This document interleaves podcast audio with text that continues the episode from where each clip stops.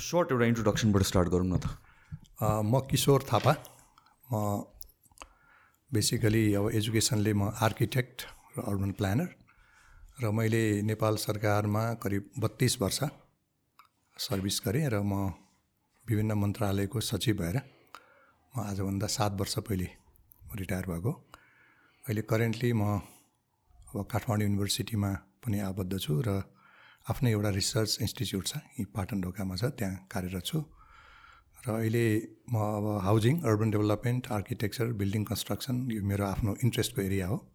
यसैमा म स्टडी गर्छु रिसर्च गर्छु आफ्नो एक्सपिरियन्सहरू आफ्नो चाहिँ फिलिङ्सहरू म सेयर गर्छु।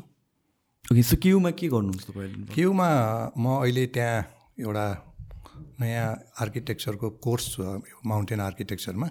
हजुर। त्यो कोर्सको चाहिँ त्यसको चाहिँ अब कन्डक्ट गर्ने त्यो कोर्समा चाहिँ त्यसलाई डेभलप गर्ने त्यसलाई चाहिँ अहिले त्यो कोर्स अहिले अगाडि बढिरहेको छ। स्टुडेन्टहरू एडमिट भएर काम त्यहाँ पढाइ भइरहेको छ। त्यसलाई म ब्याक स्टपिङ गर्छु र अहिले काठमाडौँ युनिभर्सिटीको फिजिकल अब डेभलपमेन्टको कामहरू छ त्यहाँ। नयाँ क्याम्पसहरू बन्दैछ। त्यो क्याम्पसको प्लानिङ डिजाइनमा एसिस्ट गर्छु म।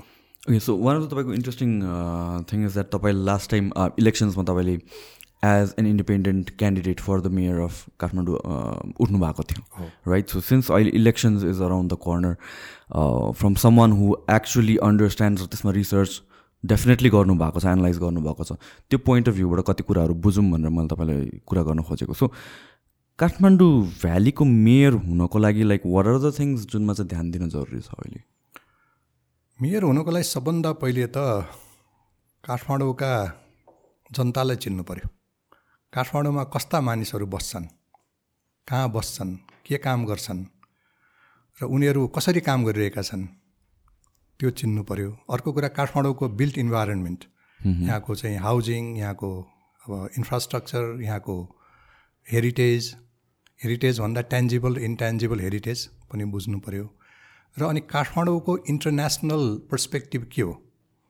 विदेशीहरूले काठमाडौँलाई कसरी हेरेका छन् कसरी बुझेका छन्? नेसनल क्यापिटल मात्रै होइन। यो त इन्टरनेसनल एउटा सिटी एउटा हेरिटेज सिटी हजारौँ वर्ष पुरानो चाहिँ एउटा सभ्यता बोकेको एउटा चाहिँ सिभिलाइजेसनको सेन्टर पनि हो। विशेष गरी हाम्रो नेवा सिभिलाइजेसनको सेन्टर पनि हो। त्यो से त्यो सिभिलाइजेसन भन्दाखेरि त्यहाँ आर्ट आर्किटेक्चर म्युजिक फुडदेखि धेरै कुराहरू आउँछन्। त्यस कारण यसरी चाहिँ यो सहरलाई बुझ्नुपर्छ यहाँको मेयरले। सो गर्नुपर्ने के छ यहाँ काठमाडौँमा? काठमाडौँमा अब हामीले काठमाडौँ भन्ने बित्तिकै अलिकति यसलाई डिफाइन गरौँ। अब एउटा चाहिँ काठमाडौँ महानगरपालिकाले अकुपाई गरेको टेरिटरी जुन अहिले पचास किलो स्क्वायर किलोमिटर मात्रै छ अर्को चाहिँ यो काठमाडौँ सिटी। काठमाडौँ सिटी भन्दाखेरि यसमा ललितपुर काठमाडौँ अब अहिलेको चाहिँ तपाईँको टोखा नागार्जुन किर्ति यी सबै पाउँछन्। एउटा सिटी त एउटा ठुलो सिटी छन् त्यसमा धेरै म्युनिसिपालिटीहरू छन्। त्यसले गर्दाखेरि अब काठमाडौँ सिटीमा गर्नुपर्ने कुरा एक थरी छन् र अनि काठमाडौँ महानगरपालिकाभित्रको टेरिटरीमा गर्नुपर्ने कुरा अरू अर्को थरी छन्। यसरी छुट्याउनु so you mean like city भन्दा पनि बाहिरको आउटस्कर्ट्सहरूमा होइन। टेरिटोरी काठमाडौँ म्युनिसिपालिटीको जुरिस्टिक्सन भन्दा बाहिरको टेरिटरी होइन? काठमाडौँको मेयरको जुरिस्टिक्सन त काठमाडौँको अ, काठमाडौँ मेट्रोपोलिटन सिटीले अकुपाई गरेको त्यो फिफ्टी स्क्वायर किलोमिटर मात्रै हो नि। जो कि काठमाडौँ भ्याली भन्यो भने चाहिँ almost six hundred seventy square किलोमिटरको यो काठमाडौँ भ्याली छ। त्यस कारणले एउटा भ्याली लेभलमा थिङ्क गर्नुपर्ने छ। भ्याली लेभलका कुराहरू चाहिँ हामीले चाहिँ बुझ्नुपर्ने र त्यो अनुसार डिल गर्नुपर्छ भने अर्को चाहिँ म्युनिसिपालिटी लेभलमा भनेको केएमसीको आफ्नो चाहिँ जुरिस्टिक्सनको एरियामा गर्नुपर्ने कुराहरू छ। सो के के गर्नुपर्ने हुनसक्छ अब काठमाडौँ मेट्रोपोलिटन सिटीको मात्रै कुरा गर्दाखेरि यो टोटली बिल्टअप एरिया छ। हजुर। अब यसमा नयाँ एक्सपान्सन गर्नुपर्ने कुराहरू केही पनि छैन। त्यस कारण यहाँ भएको इन्फ्रास्ट्रक्चरलाई राम्रोसँग म्यानेज गर्ने। त्यसलाई रिपेयर गर्ने मेन्टेन गर्ने त्यसलाई राम्रोसँग अपरेट गर्ने कुराहरू आउँछ भने अर्को कुरा चाहिँ यहाँको जो बिल्ट इन्भाइरोमेन्ट छ त्यो बिल्ट इन्भाइरोमेन्टलाई त्यो कन्टिन्युस त्यसलाई रिन्युअल गर्ने त्यसलाई चाहिँ अब पुरानो चिजलाई चाहिँ अब नयाँ बनाउने अलिकति त्यसको चाहिँ म्यानेजमेन्टमा सुधार गर्ने र त्यस कारण यो काठमाडौँको मेयरको चाहिँ मेन च्यालेन्ज भनेको भएको चिजलाई म्यानेज गर्ने हो। मोर म्यानेजमेन्ट च्यालेन्ज हो यो डेभलपमेन्ट भन्दा पनि। सो यहाँ त म्यानेजमेन्टको त यहाँ त लथालिङ्ग नै छ धेरै कुराहरू। होइन? So where do we start from actually start चाहिँ कहाँबाट गर्नुपर्छ भन्दा सबभन्दा पहिले अहिले हामीले हेर्दाखेरि यो पब्लिक ट्रान्सपोर्टबाट अथवा यो रोड ट्रान्सपोर्टबाट चाहिँ गर्नु यो चाहिँ रोड नेटवर्क र पब्लिक ट्रान्सपोर्टेसनबाट चाहिँ यो गर्नुपर्छ। अहिले हेर्नुहोस् हरेक चाहिँ काठमाडौँवासीले हरेक दिन भोग्ने समस्या भने के हो। तपाईँ भेहिकल चलाउनुहुन्छ भने पार्किङको प्रब्लम होइन? त्यो भेहिकल चलाउने चाहिँ ट्राफिकको प्रब्लम कन्जेसनका कुराहरू त्यसपछि गएर पल्युसनका कुराहरू हरेक चाहिँ हजारौँ लाखौँ चाहिँ नगरवासीले दैनिक भोग्ने कुरा यसलाई चाहिँ व्यवस्थित गर्नु पऱ्यो यो भने के म्यानेजमेन्ट इस्यु हो। कसरी म्यानेज गर्न सकिन्छ सिन्स यस्तो नम्बर्स अफ भेहिकल्स नै यस्तो धेरै कन्जेस्टेड छ। म्यानेज कसरी गर्ने भनेको हामी यसलाई अड इभनको रुल लागू गर्न सक्छौँ एक नम्बर। फिजिबल हुन्छ र? हुन्छ किन नहुनु? धेरै देशमा गरेको छ नेपालमा नि हुन्छ। यो कुरालाई हामीले सिस्टमेटिकली लागू गर्नु पऱ्यो र यसलाई चाहिँ एउटा यति स्ट्रिक्टली यसलाई चाहिँ कन्टिन्युटी दिनु पऱ्यो कि मान्छेको पार्ट अफ लाइफ उनीहरूले हरेक दिनअनुसार डेट अनुसार चाहिँ आज अड आज इभन भनेर उनीहरूले आफैले चाहिँ गर्न सकुन् र यो कुरालाई चाहिँ अब हामी यहाँ के गर्छौँ भन्दा कहिलेकाहीँ कोभिड आउँदा अथवा केही नाकाबन्दी हुँदा मात्रै गर्छौँ त्यो होइन। काठमाडौँमा जस्तो चाहिँ सहरमा जहाँ चाहिँ अब भेहिकलको नम्बर यति ज्यादा भइसक्यो भेहिकल नकिन भनेर कसैलाई चाहिँ अब गर्न सकिँदैन। तर भएको भेहिकललाई राम्रोसँग म्यानेज गर्ने भनेको त्यो अड इभन पनि हामी के गर्न सक्छौँ भने सर्टेन आवरमा पनि गर्न सकिन्छ। डे मात्रै होइन कि आवरमा तपाईँको बिहान छ बजीदेखि बेलुका छ बजीसम्म मात्रै पनि गर्न सकिन्छ। त्यस कारण विभिन्न इनोभेटिभ फुल फुल डे नै भयो त्यो त। फुल डे अथवा तर होइन मान्छेले गर्न मिलाउन सक्छ नि। होइन? त्यस कारणले सुरुमा चाहिँ अब हाम्रो यहाँ के छ भनेदेखि हामी अब यो प्रपर म्यानेजमेन्टमा हामी चाहिँ युज टु पनि छैनौँ। त्यस कारणले अब गभर्मेन्ट एजेन्सीहरूले पनि के गर्छ भन्दाखेरि एकचोटि लागु गर्छ पछि अलिकति पब्लिक प्रेसर आउने बित्तिकै त्यसपछि ब्याक ट्र्याक गर्छन्। त्यस्तो होइन। सर्टेन एउटा टाइममा मान्छेलाई चाहिँ हेबिसिटेड गर्नु पऱ्यो न प्रब्लम म के देख्छु भनेपछि सिन्स हाम्रो पब्लिक ट्रान्सपोर्टेसनको इन्फ्रास्ट्रक्चर प्रपर छैन म्यानेजमेन्ट प्रपर छैन अड इभेन गरे गऱ्यो भने त त्यो जात्रै हुन्छ फेरि। होइन मैले पब्लिक ट्रान्सपोर्ट कुरा यो अड इभन गरेँ प्राइभेट प्राइभेट तर लेट्स चाहिँ प्राइभेट भेहिकल्स अड इभेन्टमा गयो अरे मेरो आज मेरो गाडी चलाउनु पाउँदैन भनेपछि म त पब्लिक भेहिकलमा जानु पऱ्यो अथवा साथीको चाहिँ सेयर गर्नु पऱ्यो अर्को साथीको सेयर गर्नु पऱ्यो आफ्नो फेमिली मेम्बरको सेयर कहिलेकाहीँ यहाँ दुईवटा तिनवटा गाडी हुन्छ एउटा घरमा होइन? सेयर गर्नु पऱ्यो नि। त्यो त गाह्रो चाहिँ गाह्रो नै हुन्छ फेरि मान्छे। होइन। सुरुमा गाह्रो हुन्छ। तर त्यसलाई चाहिँ बानी परेपछि गाह्रो हुँदैन। यो चाहिँ पार्ट अफ यर लाइफ हुन्छ त्यो। सो तपाईँको अनुसार चाहिँ लाइक रोडबाट किनभने मोस्ट पिपलहरू दे आर प्रपोजिङ मेट्रो हामीहरूलाई चाहिन्छ भने मेट्रो नभइकन हुँदैन। र जुन रोडको नेटवर्क छ त्यसलाई सुधार्ने भनेको it's almost close to impossible जस्तै कुरा आउँछ होइन डु यु थिङ्क लङ रनमा that is feasible odd even गरेर नि? होइन अडियमन त यो एउटा के भने यो टेम्पोररी मेजर मात्रै हो होइन? हामीले गर्नुपर्ने त के छ भन्दाखेरि अब यो अहिलेको रोडलाई हामी एक्सपान्ड गर्न सक्दैनौँ। त्यो त हामी के चाहिँ सक्छौँ भने सर्टेन इन्टरसेक्सनहरूलाई इम्प्रुभ गर्न सक्छौँ। फ्लाइओभरहरू राखेर सबवेहरू बनाएर इन्टरसेक्सनहरू गरेर अलिकति ट्राफिक फ्लो बढाउन चाहिँ सक्छौँ। र सर्टेन चाहिँ अब फराकिला सडकहरूमा हामी डेडिकेटेड बस लेनहरू पनि बनाउन सक्छौँ। ती चाहिँ हामीले सक्ने कुराहरू हो। कतिपय ठाउँमा त तपाईँको ट्राफिक लाइट राखेर पनि ट्राफिक धेरै रेगुलेटेड हुन्छ। म यो चाहिँ अचम्म लाग्छ हो। ट्राफिक लाइट कतिवटा ठाउँमा भएको ठाउँमा पनि युज भइरहेको छैन भएको त्यो भएको त्यो हाम्रो म्यानेजमेन्ट केपेबिलिटी नभएर। त्यो हामीले त्यो त्यसलाई चाहिँ सञ्चालन गर्न नसक त्यो त बढाउन सकिन्छ नि। आजको पनि रकेट साइन्स त होइन नि। सिम्पल अहिलेको ट्वेन्टी फर्स्ट सेन्चुरीमा ट्राफिक लाइट अपरेट गर्ने भने त सिम्पल कुराहरू हो। तर हाम्रो के भयो भने त्यतातिर हाम्रो चाहिँ केपेबिलिटी बढाउने प्रयासै गरेनौँ हामीले। त्यस कारण ट्राफिक लाइट नभएको ट्राफिक लाइट राखेर जेब्रा क्रसिङहरू त्यो इन्टरसेक्सनहरू इम्प्रुभ गरेर पेडेस्ट्रियन र चाहिँ भेहिकल कन्फ्लिक्टलाई मिनिमाइज गरेर यस्ता तरिकाहरू जुन किनभने काठमाडौँको जुन समस्या छ यो हाम्रो नेपालको एउटा युनिक समस्या होइन। संसारका धेरै देशका सहरहरूमा यो समस्या देखिन्छ र हामी जापानै जाउँ जापानमा पुराना त्यहाँको चाहिँ सहरको जुन पुरानो भनौँ न पुरानो भागमा हामी गयौँ भने काठमाडौँभन्दा साँगुरा गल्लीहरू छन्। तर त्यसलाई प्रपरली म्यानेज गरिएको छ कतिलाई हामी वान वे गर्न सक्छौँ। होइन? कति ठाउँमा सर्टेन ठाउँमा हामी सर्टेन आवर भेहिकल फ्री पनि गर्न सक्छौँ। यी कुराहरू हामीले अभ्य आखिरमा यो कियोटिक जुन सिचुएसनबाट त मुक्त हुनै पऱ्यो नि। होइन? या तर यो जुन हाम्रो कन्जेसनको प्रब्लम छ आई थिङ्क नेपालको मात्र काठमाडौँको मात्र एउटा प्रब्लम चाहिँ होइन। किन if go to India peak आवर्सहरूमा peak hours के मिड नाइटमा पनि जाममा परिन्छ। परिन्छ त्यस कारणले हुन्छ। तर यसलाई चाहिँ के भने अर्गनाइज ट्राफिक जाम हुनु र डिसअर्गनाइज हुनुमा फरक छ। जापानमा पनि युएसमा पनि ट्राफिक जाम त हुन्छ। तर के भने अर्गनाइज हुन्छ। एउटा केही समयपछि खुल्छ भने मान्छेलाई विश्वास हुन्छ। पिपल हेभ त्यो वेट फर द्याट होइन? अब हाम्रो त के छ भने यति क्योटिक हुन्छ कि अब कुन बेला खुल्छ खुल्दै थाहा नै हुँदैन। ट्रु ट्रु त्यसमा यसलाई चाहिँ यो प्रपर म्यानेजमेन्ट गरेर अब यसमा के देखिन्छ भन्दा अब अहिले ट्राफिक पुलिसमा हामी भर परेका छौँ। ट्राफिक पुलिसको त आफ्नो चाहिँ जुन उनीहरूको जुन अब स्ट्रेन्थ छ उनीहरूको केपेबिलिटी लिमिटेड छ नि। त्यस्तोमा चाहिँ महानगरपालिकाले एडिसनल पुलिसहरू ट्राफिक पुलिस महानगरपालिकाले पनि राख्नुपर्छ। जस्तो रिक्रुट गर्नुपर्छ। ओके ट्राफिक पुलिस नै एक्स्ट्रा रिक्रुट एक्स्ट्रा गर्नुपर्छ। त्यो महानगरको चाहिँ। महानगरको जुन पुलिस फोर्स हुन्छ जस्तै यहाँ ललितपुरले केही प्रयास गरेको छ नि। त्यस कारणले महानगर आफैले त्यस्तो चाहिँ ट्राफिक पुलिसहरू चाहिँ गरेर ट्राफिक पुलिस त्यो ट्राफिक पुलिसको काम के हुन्छ भन्दाखेरि ड्राइभरहरूलाई चाहिँ गाइड गर्ने होइन प्यासेन्जरहरू अथवा चाहिँ पेडेस्ट्रियनहरूलाई चाहिँ गाइड गर्ने मोर फेसिलिटेटिङ रोल मोर चाहिँ त्यसलाई चाहिँ अलिक इज इजी बनाइदिने। र अनिखेरि जस्तो पार्किङ म्यानेजमेन्ट पार्किङ म्यानेजमेन्ट अहिले ट्राफिक पुलिसहरूले गर्न सकेको छैन। त्यसमा पार्किङ म्यानेजमेन्टको कुराहरू जुन अहिलेको हाम्रो रेगुलर ट्राफिक पुलिसले नभ्याएको कुराहरू।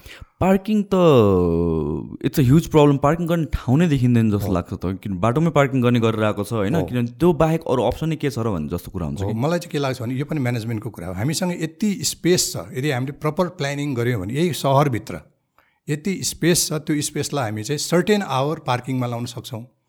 सर्टेन एउटै स्पेस त अब के छ? हामी स्पेस त अब कन्सटेन्टै छ नि जहाँ होइन?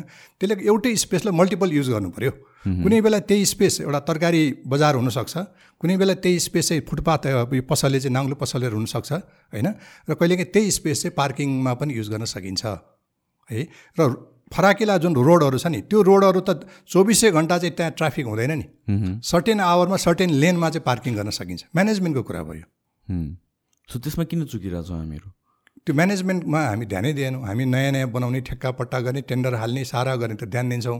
भएको चिजलाई म्यानेज गर्न हामी ध्यान दिएनौँ। त्यहाँनिर हाम्रो चाहिँ कमिटमेन्टको कमी छ र त्यहाँ अलिकति प्रायोरिटी पनि हामीले दिँदैनौँ नि। त्यसले त्यो समस्या भएको नि। जस्तो कि यो पार्किङ पनि आई थिङ्क गभर्मेन्टले नै ह्यान्डल गरेर चाहिँ प्राइभेटले ह्यान्डल कुमारीपाटीको रोडहरू थियो नि पहिला।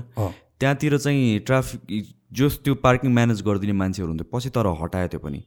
वाइ वाज द्याट किनभने पार्किङ म्यानेज गरिदिने मान्छे हुन्जेलसम्म त्यतिखेर एकदम सजिलो भएको थियो त्यसमा नगरपालिकाको ट्राफिक पुलिस मोबिलाइज हुनु पऱ्यो त्यहाँ कसैले चाहिँ पैसा उठाउने त्यसलाई बिजनेसको रूपमा होइन कि त्यसलाई सर्भिसको रूपमा गर्नलाई नगरपालिकाकै चाहिँ ट्राफिक पुलिस त भइहाल्छ नि। त्यो नगरपालिका आफैको आफ्नो का उनीको चाहिँ काम हो त्यो उनीको ड्युटी हो रेस्पोन्सिबिलिटी हो। त्यो चाहिँ मा गर्न सकिन्छ र भएकै स्पेसबाट तपाईँले प्रपर म्यानेज गर्नुभयो भने भएकै स्पेसबाट पार्किङ गर्न सकिन्छ? या किनभने त्यो जुन बेला म्यानेज वेल म्यानेज थियो त्यतिखेर चाहिँ त्यसले गर्दा के अब्स्ट्रक्ट भइरहेको थियो एभ्रिथिङ राम्रो थियो। नाउ अहिले गएर हेर्ने हो भने चाहिँ इट्स के होस् त्यहाँ पनि। होइन त्यो पार्किङको स्पेस नै पाउँदैन कसैले कसरी पार्क गरेर आउँछ। ह्याफजार्ड छ कि। सो आई थिङ्क त्यो तपाईँले भने जस्तो म्यानेजमेन्टको चाहिँ इस्युजहरू चाहिँ डेफिनेट जस्तो हाम्रो अब सुपर मार्केटहरू छन् अब विभिन्न किसिमको अब भोलि त्यो कमर्सियल पार्किङ लट पनि त हुनसक्छ नि। अहिले भाटबटेनीले जुन मल्टी स्टोरी बनाए जस्तै त्यो एउटा कमर्सियल बेसिसमा नि गर्न सकिन्छ। त्यसको लागि महानगरले त्यो त्यो बिल्डिङको पर्मिटमा त्यसको बिल्डिङ नक्सा पास गर्दा छुट दिन सक्छ। त्यसको ट्याक्स चाहिँ किन सहरलाई आवश्यक इन्फ्रास्ट्रक्चर हो नि त्यो। त्यस जुन इन्फ्रास्ट्रक्चर सहरलाई अति आवश्यक छ त्यो प्रायोरिटीमा दिनु। त्यसमा त नगरपालिकाले कम रेभेन्यू लिन सक्छ नि त। होइन प्राइभेट सेक्टरमा चाहिँ प्रमोट गर्न सक्छ। त्यस्ता कुराहरू हो। किनभने यो हामीले हाम्रा समस्याहरू त धेरै छन्। ती समस्यालाई प्रायोरिटाइज गर्नु पऱ्यो कि। त्यो प्रायोरिटाइज गर्न जान्यो भने चाहिँ नगरवासीको जीवनमा केही न केही चाहिँ सुधार र सहजता हुन्छ। प्रायोरिटाइज गर्न जानेन अब उही रिचुअलमा मात्रै गयो भने चाहिँ समस्या जिउका त्यो हुन्छ अनि हामी सिटिजनहरूले कराएको कराइ हुन्छन् नगरपालिका हेल्पलेस हुन्छ। तपाईँले यो रोड एक्सपेन्सनको कुरा गर्नुभएको थियो कि we cannot do it much further पहिला तपाईँ यो प्रोजेक्टमा तपाईँ इन्भल्भ हुनु इन्भल्भ पनि थिएँ। हामीले त्यो बेलामा दुई सय किलोमिटर जति सडक एक्सपान्ड गऱ्यौँ। एक्सपान्ड गरेको चाहिँ होइन धेरैले एक्सपान्ड गर्यो त्यो चाहिँ भएको के भने सडकको जो राइट अफ वे थियो त्यसलाई क्लियर गरे मात्रै हो। सडक एक्सपान्ड गरे होइन। आई थिङ्क त्यो त्यो कुरामा चाहिँ कति कन्फ्युजन छ। वाज इट गभर्मेन्टकै अलरेडी अलटेड स्पेसमा इलिगली घर बनाइएको धेरैमा त्यस्तो थियो। काहीँ काहीँ चाहिँ त्यहाँ कसैको अब त्यहाँ डकुमेन्टहरू छ भने त्यसलाई चाहिँ कम्पेन्सेट गरेर गरेको पनि थियो। तर फेयर कम्पन्सेसन भएको थिएन भनेर सुनिन्छ अब यस्तो। छ। फेयर भनेको त कस्तो भने हामीले गभर्मेन्टले दिने भनेको त करेन्ट मार्केट प्राइसमा दिने हो। होइन? त्योभन्दा बढी त दिन सक्दैन। एउटा सिस्टम हो गभर्मेन्ट भन्ने बित्तिकै त अब एउटा त्यो ट्याक्स पेयर मनी हो नि त। मलाई धेरै दिन मन लाग्ला एज अ गभर्मेन्ट धेरै दिन मन लाग्ला तर म दिन सक्दिनँ किनभने ट्याक्स पेयर मनी हो नि त। त्यस कारण त्यो गभर्मेन्टको आफ्नो सिस्टमले दिने हो। अब कतिलाई त्यो अब कम हुनसक्छ त्यो। सो त्यसले कतिको हेल्प गरेको थियो रिगार्डिङ त्यसले के गर्यो भन्दाखेरि जुन एउटा पब्लिक स्पेस थियो नि हामी रोडलाई कसरी हेर्नु पऱ्यो भने रोड मात्रै होइन कि यो पब्लिक स्पेस हो। पब्लिक एसेट हो त्यो। त्यो पब्लिक एसेटलाई पर्सनल युजबाट चाहिँ हामीले त्यसलाई चाहिँ भनौँ न त्यो इन्क्रोचमेन्टबाट हटाएको त्यसलाई त्यो पब्लिक स्पेस क्रिएट गऱ्यौँ। त्यसले गर्दाखेरि चाहिँ अब अहिले झट्ट हेर्दा चाहिँ अब त्यो एक्सपान्सन गऱ्यो तर रोडको कन्डिसन चाहिँ अब ट्राफिक कन्जेसन त जस्ताको तस्तै छ जुन भन्छौँ। हामीले अब ट्राफिक कन्जेसन कम गर्नको लागि रोड एक्सपान्सनले मात्रै हुने कि अरू म्यानेजमेन्टको अरू टेक्निकहरू ट्राफिकलाई च्यानलाइज गर्ने कुराहरू इन्टरसेक्सनहरूमा चाहिँ अब ट्राफिक लाइट राखेर हुन्छ कि रेगुलेट गर्ने कुराहरू होइन? अब यस्ता धेरै कुराहरू सँगसँगै गर्दै जानुपर्छ। खालि रोडको स्पेस मात्रै बढाएर पनि पुग्दैन। आई थिङ्क एउटा प्रपर एजुकेसन पनि इम्पोर्टेन्ट छ जस्तो लाग्छ रिगार्डिङ पिपलहरू सिभिलियन्स नै किनभने चाहिँ त्यो लेनको कुराहरूलाई एकदम लाइटली लिइन्छ नि त। होइन यो सबै कुराहरूले गरेर आई थिङ्क धेरै जस्तो प्रब्लमहरू आइरहेको हुन्छ। जुन लाइसेन्स ट्रायलको बेलामा पढ्नु त पढिन्छ तर त्यो इट्स नट भेरी एप्लिकेबल फिल्डमा हामी देख्न सक्दैनौँ। देखिँदैन कि यहाँतिर के होस् नै छ होइन? काठमाडौँमा ड्राइभ गर्न सक्यो जहाँ ड्राइभ गर्न सकिन्छ भन्ने भन्ने एउटा फिलिङ छ जो आउँदाखेरि पनि। So I think that could be one way as well त्यस कारण यसो हेर्नुहोस् अब यो यो ट्राफिकलाई म्यानेज गर्न सक्यो भने आजको भोलि अथवा एक दुई एक दुई हप्तामा नै मान्छेको लाइफमा चेन्ज आउँछ। तपाईँले फिल गर्नुहुन्छ हो काठमाडौँ त अलिकति सहज हो नि त। या त्यो इट्स इट्स सो एभिडेन्ट कि स्याटरडेको दिनमा एउटा सिटीको एउटा एन्डबाट अर्को जानलाई म्याक्सिमम् भने पन्ध्र मिनट लाग्छ होला कि। तर त्यही बाटो अरू दिन आउनु पऱ्यो भने म मलाई ठ्याक्क एक घन्टा अगाडि घरबाट निस्किनुपर्छ कि। होइन so it's very evident that त्यो भनेको त ट्राफिक इस्यु नत्र काठमाडौँमा मोबिलाइज हुनलाई त खासै गाह्रो त छैन। त्यो भएर सिटिजनले के पनि गर्नुपर्छ नि वास्तवमा गाडी त आफै चल्दैन त्यहाँ हामीले एकदम ज्यादै अब चाहिँ महँगोबाट किनेको पेट्रोल डिजेल कन्ज्युम हुन्छ होइन। त्यसले गर्दाखेरि यो ट्राफिक अब हामीले सकेसम्म चाहिँ मोटराइज ट्राफिकभन्दा नन मोटराइज बाइसाइकल वाकिङलाई पनि हामीले चाहिँ ध्यान दिनुपर्छ। अब अब सो अफको लागि गाडी कुदाएर पनि भएन। कहिलेकाहीँ चाहिँ हामी दस पन्ध्र मिनट त वाकिङ गरे पनि त हुन्छ नि। त्यसले त हामीलाई हेल्थलाई पनि राम्रो हुन्छ सिटीलाई पनि राम्रो हुन्छ। त्यो सिटिजनको ड्युटीमा पर्छ त्यो। हो डेफिनेटली नै। सो सो ट्राफिक बाहेक अरू के कुरामा हामीले फोकस अर्को चाहिँ वाटर सप्लाई र सेनिटेसनको कुरा असाध्यै समस्या छ। हामीले अब पानी त खाइरहेका छौँ सहर नगरवासीहरूले तर हामीले चाहिँ एउटा बेसिक एउटा चाहिँ भनौँ न पिउन योग्य पानी खाइरहेका छैनौँ होइन? सबैले यो बोटल वाटर त एफोर्ड गर्न सक्दैन। त्यस कारण गभर्मेन्टको एउटा चाहिँ बेसिक रेस्पोन्सिबिलिटी के हो भने आफ्नो सिटिजनलाई अरू केही गर्न नसके पनि पानी त खुवाउनु पऱ्यो नि शुद्ध पानी। त्यस कारण त्यो शुद्ध पानी खुवाउनको लागि चाहिँ हामीले के गर्नुपर्छ भन्दाखेरि पानीको सोर्सेसहरूमा नै त्यसलाई चाहिँ हामीले त्यसलाई चाहिँ ट्रिट गर्ने शुद्धिकरण गर्ने र अनि पानीको जुन वाटर बेस्ड इन्डस्ट्रीहरू छन् त्यसलाई त्यसको क्वालिटी इन्हान्स गर्ने। त्यो गरेर चाहिँ कमसेकम मा काठमाडौँमा जाँदाखेरि फोहोर पानी खानु पर्दैन शुद्ध पानी खान पाउँछौँ भनेर त्यो पानीको क्वालिटी एस्योर गर्ने काम पनि नगरपालिकाले गर्नुपर्ने। यो बेसिक एउटा त यो किसिमले धर्म पनि त हो नि। शुद्ध पानी खुवाउन धर्म पनि त हो नि। होइन? हाम्रो पुर्खाहरूले हेऱ्यो भने यहाँ चाहिँ ठुल्ठुलो जात्रामा चाहिँ पानी खुवाउने यहाँ गुठी नै थिए। अब अहिले हाम्रो नगरपालिकाले नगरपा नगरवासीले पानी नै खुवाउन नसक्ने अवस्था त होइन शुद्ध पानी। पानी त खाइरहेका छन् एकदमै अशुद्ध होइन? एकदमै अब खराब पानी हामी खाइरहेको छौँ। पानीको चाहिँ क्वालिटीमा हामीलाई चाहिँ एकदमै शङ्का छ। त्यस कारणले धाराबाट पानी खाने बित्तिकै चाहे हामी धाराबाट खाउँ चाहे हामी चाहिँ एउटा जारबाट ल्याउँ चाहे हामी चाहिँ ट्युबवेलबाट ल्याउँ त्यो पानी चाहिँ शुद्ध पानी खानुपर्छ भने त्यो त्यो एसुरेन्स चाहिँ हामीले नगरपालिकाले दिनुपर्छ त्यो दिन सकिन्छ। खानलाई मात्र होइन युज गर्नलाई पनि इट्स नट फिजिबल खासमा अहिलेको पानी भन्ने हो त्यो मर्क्युरी बेसी भयो के हो त्यो त्यो त्यस कारण नगरपालिकाले गरिदिने के भने पानीको टेस्ट गरिदिने होइन? त्यहाँ के के चाहिँ खराबी छ त्यो खराबीलाई कसरी घटाउने त्यसमा कुनै केमिकल एड गरेर हुन्छ कि?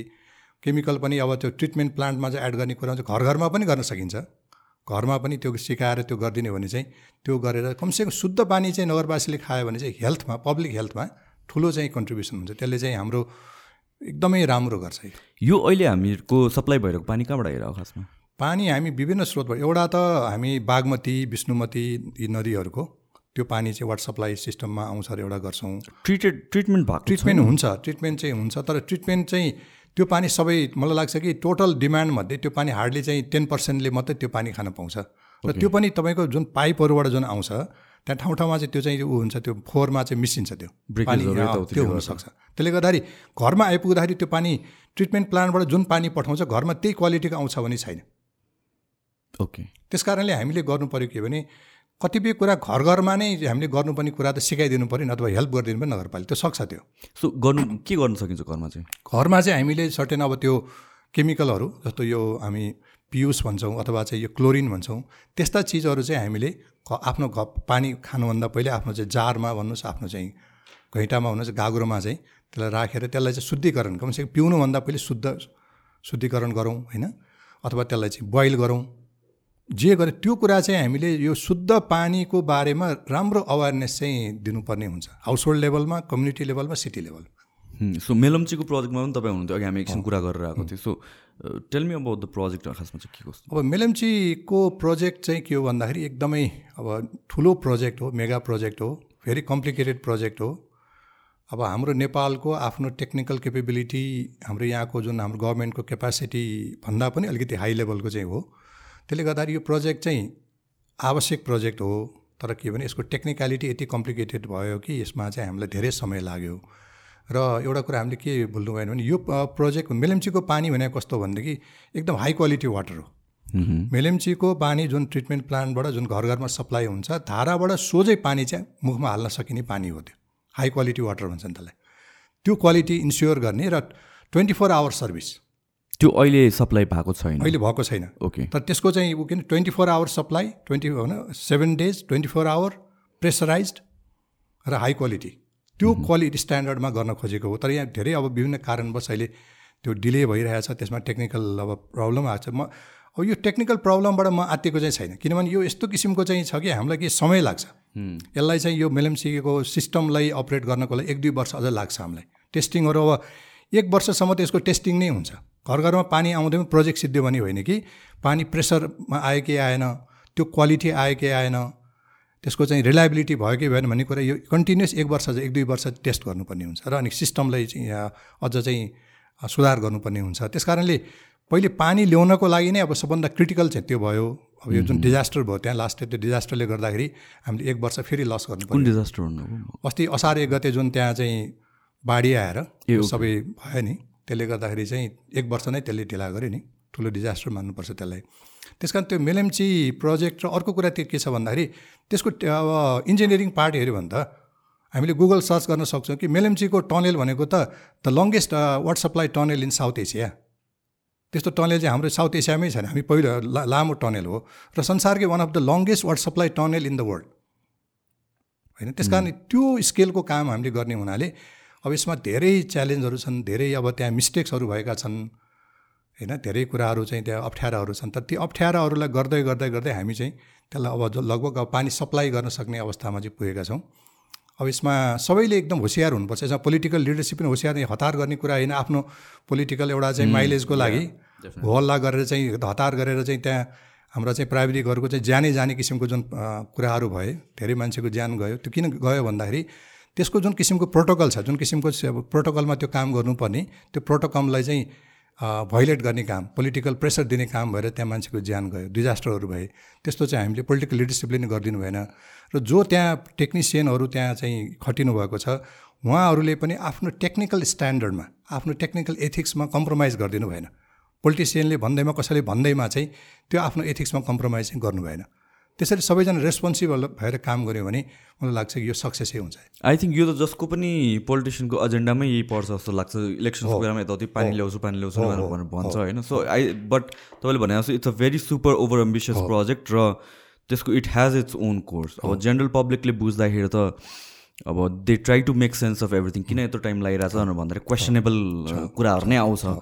तर at the end of the day I think we need to be neutral and on unbiased र सम थिङ्स टेक टाइम नै भनेर बुझ्नु पऱ्यो नि त हामीले त। मैले त पटक पटक के भन्दै आएको छु भने मेलेम्ची प्रोजेक्टबाट जब घर घरमा पानी सप्लाई भइसकेपछि यो सिस्टम फुल्ली अपरेट भएपछि धेरै देशको मान्छेहरू यहाँ चाहिँ स्टडीको लागि आउँछ। कसरी चाहिँ यस्तो काम नेपालमा भयो कसरी भयो भनेर यहाँ स्टडी गर्ने चाहिँ अवस्था चाहिँ आउँछ। होइन? सो सो यो इन इफेक्ट अझ आउनलाई कति टाइम लाग्छ होला मेलम्चीको अब अहिले म अब म त्यो अब मैले जुन फलो गरिरहेको छु। फलो गरेर अब करिब तिन महिना जति तिन चार महिना चाहिँ आउनु थाल्छ? तिन चार महिनामा चाहिँ घर घरमा यो टेम्पोररी सप्लाई चाहिँ हुन्छ जस्तो मेरो फुल फ्लेजेडमा वर्क हुनुलाई फुल फ्लेजेडमा त यस्तो छ। अब यसमा अर्को दुईवटा नदी पनि को पानी पनि ल्याउनु पर्ने हुन्छ। याङ्री लार्के भन्ने अर्को दुईवटा नदीहरू छन्। त्यसको लागि टनेलै बनाउनु पर्छ होइन? त्यो पनि हाई क्वालिटी वाटर नै त्यही हो एउटै हो। त्यो त के भने अब अब अहिलेको चाहिँ फर्स्ट फेजमा त सत्र करोड लिटर मात्रै हो नि। सत्र करोड लिटर भनेको त्यसले सत्र लाख मान्छेलाई पर डे मात्रै सर्भ गर्छ। ओके हाम्रो हामीलाई हाम्रो रिक्वायरमेन्ट हाम्रो त यहाँ अहिले झन्डै झन् तपाईँको चाहिँ पैँतालिस करोड लिटर पानी चाहिन्छ। ओके है त्यस कारण पैँतालिस करोड लिटर पानी सप्लाई गर्नको लागि अर्को दुईवटा नदीबाट पानी जोडेपछि अनि त्यसबाट चाहिँ एकाउन्न एकाउन्न करोड। आउँछ। सो यो पनि मेलम्चीकै अराउन्डतिर हो त्यतिकै तान्नुपर्ने हो। करिब दस किलोमिटरको टनेल भनौँ त्यसको स्टडी पनि भइसकेको छ। अब त्यसको चाहिँ कन्स्ट्रक्सन सुरु गर्न मात्रै बाँकी हो। तर बिचमा यो जुन डिजास्टर भयो गएको असार महिनामा त्यसले गर्दाखेरि त्यो सेटब्याक आएको हो। त्यसमा पहिलो फेजको काम जब कम्प्लिट हुन्छ त्यसपछि अनि सेकेन्ड फेजको कन्स्ट्रक्सन सुरु हुन्छ। सो बेसिकली तिनटै नदीबाट इन्डिपेन्डेन्ट लाइन्स ल्याउनु लगाएको हो कि लगेर जोडेर जोड्छ जोडेर लिङ्क लिङ्क गरेको लिङ्क गरेको हामीसँग मेलमचिप बाहेक अरू अप्सन चाहिँ थिएन यहाँ पानी ल्याउने। अरू अप्सनहरू थियो। धेरै पहिले अब यो यहाँ ललितपुरमा कोड्कु खानेपानी आयोजना भन्ने थियो। जहाँ अहिले गोदावरी क्षेत्रमा त्यहाँ चाहिँ एउटा ड्याम बनाएर कोड्कु खोलामा ड्याम बनाएर त्यो पानी सप्लाई गर्ने एकदम राम्रो प्रोजेक्ट एउटा रेन वाटर हार्भेस्टिङ प्रोजेक्ट पनि हो। त्यो थियो तर त्यो बेलामा चाहिँ जुन यो जग्गा प्राप्तिमा धेरै पोलिटिक्स चल्यो। धेरै त जग्गा प्राप्त किसानहरूले विरोध गरेको कारणले गर्दा त्यो बेलाको पोलिटिकल लिडरसिपले त्यो प्रोजेक्टलाई नै एबन्डन गरे हो त्यो छोडेको हो अनि मेलम्चीपट्टि गयो। त्यस कारण हामीले वास्तवमा भ्यालीभित्र पनि साना साना त्यस्ता चाहिँ ड्यामहरू बनाएर चेक ड्याम बनाएर पानी कलेक्सन गर्ने गर्दाखेरि त्यसले चाहिँ लोकल लेभलमा पनि वाटर सप्लाई हुन्छ इरिगेसन पनि हुन्छ अलिअलि र अनि ग्राउन्ड वाटर रिचार्ज पनि हुन्छ। त्यस कारण यो भ्यालीमा पानी त पर्छ नि चार महिना त भीषण पानी पर्छ। त्यो पानीलाई हामीले चाहिँ बचाउनु पऱ्यो त्यसलाई चाहिँ रो भनौँ न त्यसलाई चाहिँ स्टोर गर्न सक्नु। त्यो स्टोर गर्न सक्यौँ भने त्यसले चाहिँ हामीलाई बाँकी ड्राई सिजनको लागि धेरै राम्रो हुन्छ। सो यो स्टोरेज गर्ने like is it like individually गर्नुपर्ने हो कि गभर्मेन्टको एन्टिटी गभर्मेन्टको इन्टरले गर्नु पऱ्यो त्यसका लागि फिजिबल ठाउँहरू आइडेन्टिफाई गरेर हामीलाई नेचरले त्यस्तो ठाउँहरू दिएको छ कि नेचुरल ड्यामहरू बनाउने ठाउँहरू छ त्यहाँ nature is so generous for छ है। तर ती नेचर नेचरको चाहिँ जुन कुरालाई हामीले चाहिँ बुझ्नु पऱ्यो त्यसलाई युज गर्नु पऱ्यो हामीले। अरू देशमा हो भने पुरै आर्टिफिसियल स्ट्रक्चर बनाउनु पर्छ। हाम्रो त नेचुरल स्ट्रक्चरै छन्। त्यसलाई अलिकति मिलाए बुझेँ। तपाईँले त्यही अब ड्रिङ्किङ वाटरसँग पब्लिक हेल्थको पनि कुरा आयो होइन। वान अफ द प्रब्लम्स मैले देखेको भन्दा स्पेसली कोभिडको बेलामा देखियो कि हाम्रो हेल्थ इन्फ्रास्ट्रक्चरहरू एकदमै विक छ। होइन हामीहरू किन we rely on private hospitals मात्र? होइन एउटा सिटिजनले त पब्लिक हस्पिटल एक्सेस गर्न सक्नु पऱ्यो र त्यस त्यहाँ क्वालिटी हेल्थ सर्भिसेस पाउनु सक्नु पऱ्यो तर यहाँ पनि एकदमै ह्युज मिसम्यानेजमेन्ट देखिन्छ क्या होइन सो त्यो पार्टलाई चाहिँ कतिको सिरियसली लिन सकिन्छ कसरी इम्प्रुभ गर्न सकिन्छ कुरा त्यसमा के भयो भने हामीले चाहिँ यो हेल्थ इन्फ्रास्ट्रक्चरमा पनि पपुलेसनसँग त्यसको सम्बन्ध छ। ओके कति पपुलेसनलाई कति बेड राख्ने? कति बेडको हस्पिटल यसको रेसियो छ स्ट्यान्डर्ड छ हेल्थ स्ट्यान्डर्ड पनि छ। त्यस कारण हामीले अब भ्यालीमा पपुलेसन चाहिँ बढाएको बढाइ गर्ने तर त्यसको लागि चाहिने चाहिँ हेल्थ इन्फ्रास्ट्रक्चर बढाउन सकेनौँ भने त त्यो मिसम्याच भइहाल्छ। अहिले भएको त्यही हो। त्यस कारण अहिले पनि भ्यालीमा जुन पपुलेसन छ त्यो पपुलेसनको लागि पनि हाम्रो हस्पिटलहरू पर्याप्त भएन। अझ यहाँ त फेरि के छ भने धेरै देशको धेरै भागबाट पनि यहाँ ट्रिटमेन्टको लागि काठमाडौँमा मान्छे आउँछन् अहिले। तपाईँले आउँछ नि। धेरै मान्छे आउँछन्। त्यस कारण बाहिरबाट आउनेको लागि त झन् त्यसले एड- एडिसनल प्रेसर दिने भयो त्यसले गर्दाखेरि भ्यालीमा विभिन्न लेभलको चाहिँ हस्पिटलहरू चाहिन्छ जस्तो भनौँ न हामीले चाहिँ वार्ड लेभलमा हाम्रो चाहिँ एउटा हेल्थ क्लिनिक चाहिन्छ भने सिटी लेभलमा सिटी हस्पिटल चाहियो नेसनल लेभलमा नेसनल हस्पिटलहरू चाहियो सुपर स्पेसियालिटी हस्पिटलहरू होइन स्पेसल ट्रिटमेन्ट गर्ने कुराहरू त्यो चाहिन्छ हामीले। र सबै कुरा फेरि के भने देशको सबै मान्छे काठमाडौँमा आउने अवस्था पनि राम्रो होइन। हामीले देशका विभिन्न भागमा त्यस्तो सुपर स्पेसियालिटी हस्पिटलहरू बनाउन सक्यौँ भनेदेखि मान्छे डाइभर्ट हुन्छ नि त। बेसिकली डिसेन्ट्रलाइज गर्नु पर्यो। आई थिङ्क काठमाडौँको मेन प्रब्लम नै त्यही हो जस्तो लाग्छ। नेपालको भनौँ न। कि वी आर टु सेन्ट्रलाइज र जे छ काठमाडौँमै छ अनि त्यसपछि यहाँ जति इम्प्रुभ गरे पनि at the end of the day एउटा लिमिट त हुन्छ नै होला थ्रेस होल्ड नै होला क्या हामी। यो सिटी प्लानिङमा के हुन्छ भने सिटीको एउटा थ्रेस लिमिट भन्ने हुन्छ। हो एक्ज्याक्टली हो त्यो थ्रेस लिमिटमा पुगेपछि सिटीले राम्रो फङ्सन गर्दैन। सिटीकै डिके हुन्छ त्यसले राम्रो फङ्सन माल फङ्सन गर्छ। त्यसले गर्दा त्यो थ्रेस कि थ्रेस क्रस गर्नु पऱ्यो त्यो पनि त एउटा सर्टन लिमिटसम्म लिमिटसम्म हुन्छ त्यो सधैँ। सकेपछि के। गर्ने? जस्तो हाम्रो अब अब भनौँ पानीकै कुरा गर्दा नि पानीको पनि त एउटा चाहिँ नेचुरल चाहिँ जो जुन सोर्स छ त्यसको लिमिट छ नि त। पानी कति ल्याउने? मेलम्सीबाट कति ल्याउने भन्ने हुन्छ नि। त्योभन्दा बढी ल्याउन सकिँदैन। त्यसले गर्दाखेरि हामीले चाहिँ यो सिटीको त्यो थ्रेस भित्रै रहेर गर्नुपर्छ र हामीले अरू सिटीहरूलाई डेभलप गर्नु डिसेन्ट्रलाइज जुन तपाईँले भन्छ हेल्थ एजुकेसन अरू धेरै कुराहरू डिसेन्ट्रलाइज गऱ्यो भने चाहिँ भनौँ न उदाहरणको लागि चाहिँ अब अब पोखरालाई चाहिँ एउटा डेन्टिस्ट्रीको चाहिँ एउटा सुपर हब बनाउन सकिन्छ नि। दाँतको चाहिँ अब कम्प्लिकेटेड ट्रिटमेन्ट गर्नु पनि पोखरा जाने होइन? छालाको ट्रिटमेन्ट गर्नु पऱ्यो भने नेपालगञ्ज जाने। सो यो त कन्सियस एफर्ट नै हुनु पऱ्यो गभर्मेन्ट। नेसनल लेभलबाट तर त्यसरी सोचिन्छ र आई डोन्ट थिङ्क त्यसरी होइन यहाँ यस्तो छ। यहाँ अलि सबैजना हामीहरू सेल्फ सेन्टर सेल्फ? सेन्टर भएका छौँ कि? अब म एउटा चाहिँ मेडिकल फिल्डको मान्छे भएँ भने म चाहन्छु कि सबै मेरै वरिपरि होस्। हो। म एउटा डक्टर भयो भने म चारवटा हस्पिटल मैले चाहिँ त्यहाँ भ्या भ्याइरहेको हुन्छु। म किन अर्को सिटीमा गएर बस्नु? जाने, होइन। मेरो घर यहाँ छ मेरो बच्चा यहीँ पढ्छ त्यसले गर्दाखेरि तर के हुन्छ भने अब त्यहाँ पनि त मान्छे बस्छन्। अरू सिटीमा नि मान्छे बस् त्यहाँ पनि डक्टर छ नि त। उनीहरूलाई अलिकति चाहिँ ट्रस्ट गरिदिएर उनीहरूलाई प्रमोट गरिदियो भने त राम्रै हुन्छ नि। तर where does it start from किनभने म अब एउटा डक्टर हो भने मलाई पोखरामा डेन्टिस्ट एउटा राम्रो हब बनाउनु छ भने म त्यहाँ मुभ आउट हुनु पऱ्यो म त धेरै फेसिलिटिजहरू हेर्छु नि त जुन कम्पेयर टु हो मुभ आउट भने के हेर्नु पऱ्यो त्यहाँ मेरो बच्चाले कहाँ पढ्छ? बच्चा पढाउने ठाउँ। मेरो लागि चाहिँ त्यहाँ मेरो हाउजिङको कुराहरू हुन्छ होइन? त्यस कारण मेरो अरू लाइफको लाइफ स्टाइलका कुराहरू ती कुराहरू त अब हामीले व्यवस्था सँगसँगै पऱ्यो नि त। त्यो गऱ्यो भने नहुने होइन। पहिले पहिले अब अहिले भ्याली बाहिर पनि त अस्पतालहरू त छन् नि अहिले। पोखरामा छ धरानमा छ तपाईँको नेपालगञ्जतिर छन् नि बुटौलतिर पनि छ त्यस कारण बिस्तारै त्यो डेभलप त हुने हो। तर यहाँ चाहिँ केन्द्रबाट चाहिँ हामीले के सोच्नुपर्छ भन्दाखेरि सबै कुरा यहाँ कन्सन्ट्रेट गर्न चाहिँ हुने त्यो ओभर स्ट्रेस भइसक्यो यहाँ। यहाँको इन्फ्रास्ट्रक्चरले भ्याउँदैन अब। सो यहाँबाट मान्छेहरूलाई अरू सिटिजमा जान सम सोर्ट अफ वेमा त फोर्स त गर्नै पर्छ होला। त कसरी गर्नु पेनलाइज गरेर गर्नु फोर्स गर्न सकिँदैन। हाम्रो डेमोक्रेटिक सिस्टममा फोर्स गर्न सकिँदैन। इन्करेज गर्न सकिन्छ प्रमोट गर्न सकिन्छ होइन? त्यो हाम्रो त एउटा बेसिक राइट हामी नेपालको जुनसुकै ठाउँमा बस्न सक्छौँ नि बस्न पाउनु पऱ्यो नि हामीले। त्यस कारण तर के भने मान्छे कहाँ जहाँ अपर्च्युनिटीको खोजे जहाँ जहाँ अपर्च्युनिटी क्रिएट गर्दै गएपछि त्यहाँ जान्छन् नै। जस्तो कि अब युनाइटेड स्टेट्सकै कुरा गर्ने हो भने चाहिँ डिफ्रेन्ट स्टेट्समा डिफ्रेन्ट ट्याक्स रेगुलेसन्सहरू हुन्छ लहरू हुन्छ र मोर एक्सपेन्सिभ सिटिजहरूमा मोस्ट लाइकली पेनलाइज गर्ने हिसाबले एउटा वेमा चाहिँ मोर ट्याक्सेसहरू हुन्छ अनि त्यसले गर्दा डिस्करेज गर्छ यहाँबाट अरू ठाउँमा जाऊ या इन्करेज गर्छ अरू ठाउँमा सस्तो भएको ठाउँमा त्यसको लागि सिटी सिटीको बिचमा कम्पिटिसन हुनु पऱ्यो हाम्रो नेपालमा त्यो सुरु भएकै छैन। छैन छैन। सिटी सिटीको बिचमा त्यो कम्पिटिसन ट्याक्स रिबेटमा अरू कुरामा कम्पिटिसन गरेर आफ्नो सिटीलाई ब्रान्डिङ गर्ने प्रमोट गर्ने त्यो प्रयास त हाम्रो चाहिँ मेयरहरूले गरेकै छैनन्। अरू देशमा गर्छन् त्यो। त्यो अब नेपालमा नै हामीले सुरु गर्नुपर्छ।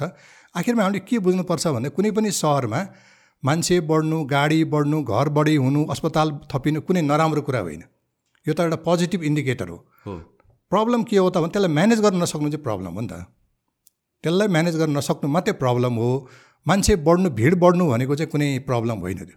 त्यो त त्यो त अपर्च्युनिटी हो। होइन? काठमाडौँको मेयर चाहिँ यहाँ गाडी बढ्यो मान्छे बढ्यो भनेर काठमाडौँको मेयर त खुसी हुनुपर्छ। किनभने उसको त अब रेभेन्यू पनि बढ्नेवाला हो नि त। होइन? त्यस कारणले त त्यसलाई प्रपर म्यानेज गर्नु पऱ्यो त्यसलाई चाहिँ दिनुपर्ने बेसिक इन्फ्रास्ट्रक्चर बेसिक सर्भिसेस चाहिँ दिनु पऱ्यो हामीले। सो सो ट्राफिकको कुरा भयो हाम्रो वाटर रिसोर्सेसको कुरा भयो अरू हामीहरू मेयरले ध्यान दिनुपर्ने कुरा के हो? अर्को चाहिँ यहाँको हाम्रो हेरिटेज मलाई ठुलो चिन्ता लाग्छ कि काठमाडौँ भनेको चाहिँ काठमाडौँ ललितपुर अब लगायत धेरै सहरहरू चाहिँ हाम्रो एउटा सिभिलाइजेसनको सेन्टर पनि हो हिस्टोरिकल सिभिलाइजेसनको सेन्टर पनि हो जुन एउटा लिभिङ हेरिटेज ओपन म्युजियम पनि हो। अब यसलाई चाहिँ हामीले कसरी बुझ्नु पऱ्यो भन्दाखेरि कुनै एउटा जातिको मात्रै यो सिभिलाइजेसन हो कुनै एउटा जातिको मात्रै प्रपर्टी हो भनेर चाहिँ हामीले बुझ्न र बुझाउनु भएन। यसमा त सारा देश नेपालीहरूले गर्व गर्नु पऱ्यो नि। त्यो किसिमको वातावरण हामीले क्रिएट गर्नु पऱ्यो है त्यस कारण मैले चाहिँ अहिले काठमाडौँ महानगरले स्कुल स्कुलमा अहिले चाहिँ जुन नेपाल भाषा जुन इन्ट्रोड्युस गर्यो यो मैले मेरो आफ्नो चाहिँ मैले उम्मेदवारी दिँदाखेरि मेरो घोषणापत्रमा राखेको थिएँ कि एकदमै मलाई खुसी लागेको छ कि काठमाडौँमा चाहिँ आउन चाहने यहाँ बस्न चाहने काठमाडौँवासी भने फुर्ती पनि गर्ने अनि नेपाल भाषा चाहिँ नजान्ने। त्यो एकदमै एउटा प्याराडक्स छ नि। त्यस कारण त्यो जुन हुनु एकदमै जरुरी छ। र अहिले जुन हुन लाग्छ एकदम राम्रो कुरा। त्यस कारण हामीले यो सिभिलाइजेसन चाहिँ एउटा समुदायको कुरा मात्रै होइन। यो सम्पूर्ण नेपालीले प्राउड फिल गर्ने र यसलाई चाहिँ प्रमोट गर्ने यसलाई ब्रान्डिङ गर्ने यसमा इन्जोय गर्ने कुरामा हुनु पऱ्यो केही एक दुई वर्ष पहिले मेरो एकजना मित्रले पद्मसुन्दर जोशीले लेख्नुभएको थियो सेतो पार्टीमा जो इन्द्र जात्रामा रम्दैन ऊ काठमाडौँमा जम्दैन भनेर एउटा आर्टिकल लेख्नुभएको थियो। एकदमै राम्रो हो कि? त्यस कारण यो चिजहरूमा हामीले चाहिँ अलिअलि हाम्रो ग्याप कहाँ भइरहेछ भन्दाखेरि हामीले त्यो हेरिटेजलाई त्यो लिभिङ हेरिटेजलाई चाहिँ हामीले एउटा जातिसँग मात्रै हामीले जोड्यौँ। त्यो होइन। त्यो जातिले बनाएको हो त्यो जाति त्यसको मेन त्यसको चाहिँ स्रष्टा हो। तर अब त्यसको चाहिँ अब त्यो अब विस्तार भएर सबैले त्यसमा चाहिँ ओनरसिप लिएर गऱ्यो भने मात्रै अनिखेरि यो चाहिँ एकदम विस्तार हुन्छ र अनि त्यसले चाहिँ त्यो त्यसको चाहिँ अलिकति संरक्षण पनि हुन्छ। नभए एउटा जाति विशेषले मात्रै संरक्षण गर्न सक्दैन यसलाई। र र नेसनल रेभेन्यूको पोइन्ट अफ भ्यूले हेर्ने हो भने पनि tourism is a huge factor र I think that is one of the main reasons किन नेपालमा टुरिस्टहरू आउँछ। र टुरिज्मलाई कसरी प्रमोट गर्न सकिन्छ होला टुरिज्मको लागि हाम्रो कस्तो छ भन्दाखेरि एकदमै पोटेन्सियल भएको देश हो। हेर्नुहोस् न अब हाम्रो चाहिँ संसारको सबैभन्दा अग्लो चाहिँ शिखर सगरमाथा लगायत आठवटा भन्दा बढी त हाम्रो चाहिँ दसवटाभन्दा बढी त हाम्रो आठ हजार फिट मिटर अग्ला चाहिँ छन्। पा अब हिमालय पर्वत भयो त्यसै गरिकन हाम्रो चाहिँ लुम्बिनी लगायत हाम्रो नेसनल अब पार्कहरू यति पोटेन्सियलहरू छन्। यसमा चाहिँ टुरिस्टहरू लाखौँ करोडौँको सङ्ख्यामा हामीले ल्याउनु पर्ने हो। तर हामीले ल्याउन सकेका छैनौँ। प्रब्लम के भइरहेछ? प्रब्लम केमा छ भन्दाखेरि पहिलो कुरा त हामीले हाम्रो चाहिँ छिमेकी देशको भारत र चिनका चिनमा राम्रोसँग ब्रान्डिङ र प्रमोसनै गर्न सकेका छैनौँ। सबभन्दा ठुलो पपुलेसन छ नि। दुवै देशमा झनै झनै तपाईँको साढे दुई अर्ब पपुलेसन त त्यहाँ छ र त्यसको चाहिँ एक पर्सेन्ट मात्रै आयो भने साढे दुई करोड टुरिस्टहरू नेपाल आउन सक्छ। नेपाल आउनु किन इन्डियनहरूलाई अब अलिकति ठन्डा हावापानी मनपर्छ हिमाल हेर्न मनपर्छ यहाँका विभिन्न किसिमका चाहिँ मठ मन्दिरहरू ठुल्ठुला तीर्थस्थलहरूमा आउनु इन्डियनहरूलाई मनपर्छ।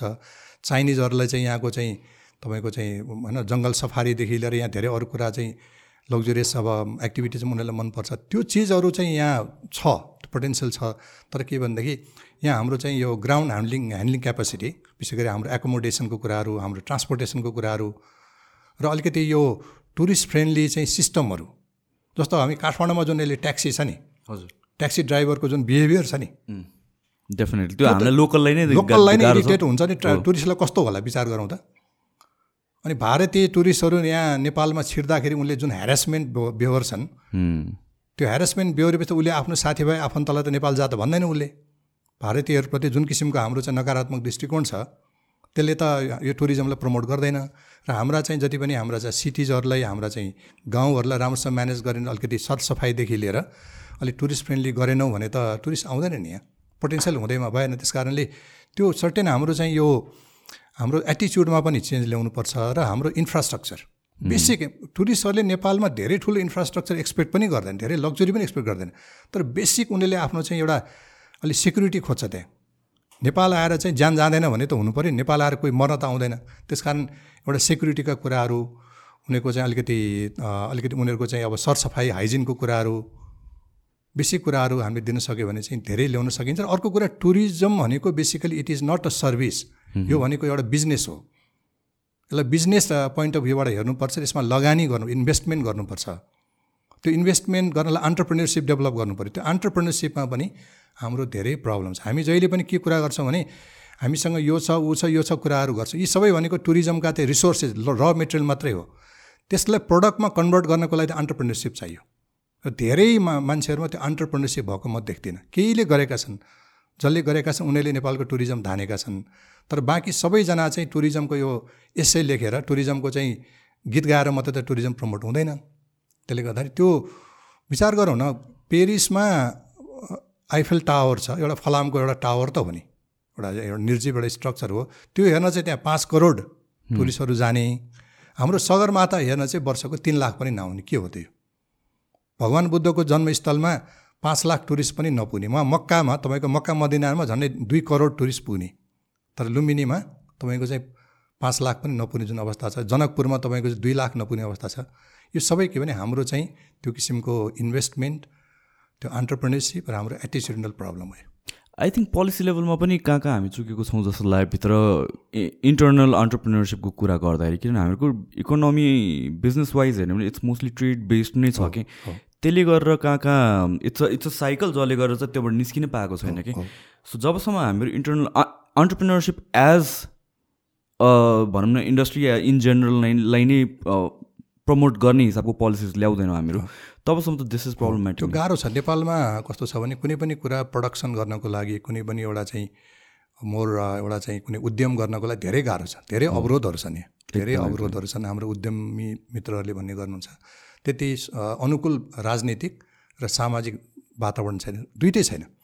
सामाजिक रूपमा नि तपाईँले अलिकति कुनै बिजनेसमा राम्रो गर्नुभयो कि अगाडि बढ्नुभयो अलिकति पैसा कमाउनु भयो भने तपाईँलाई नाफाखोर होइन?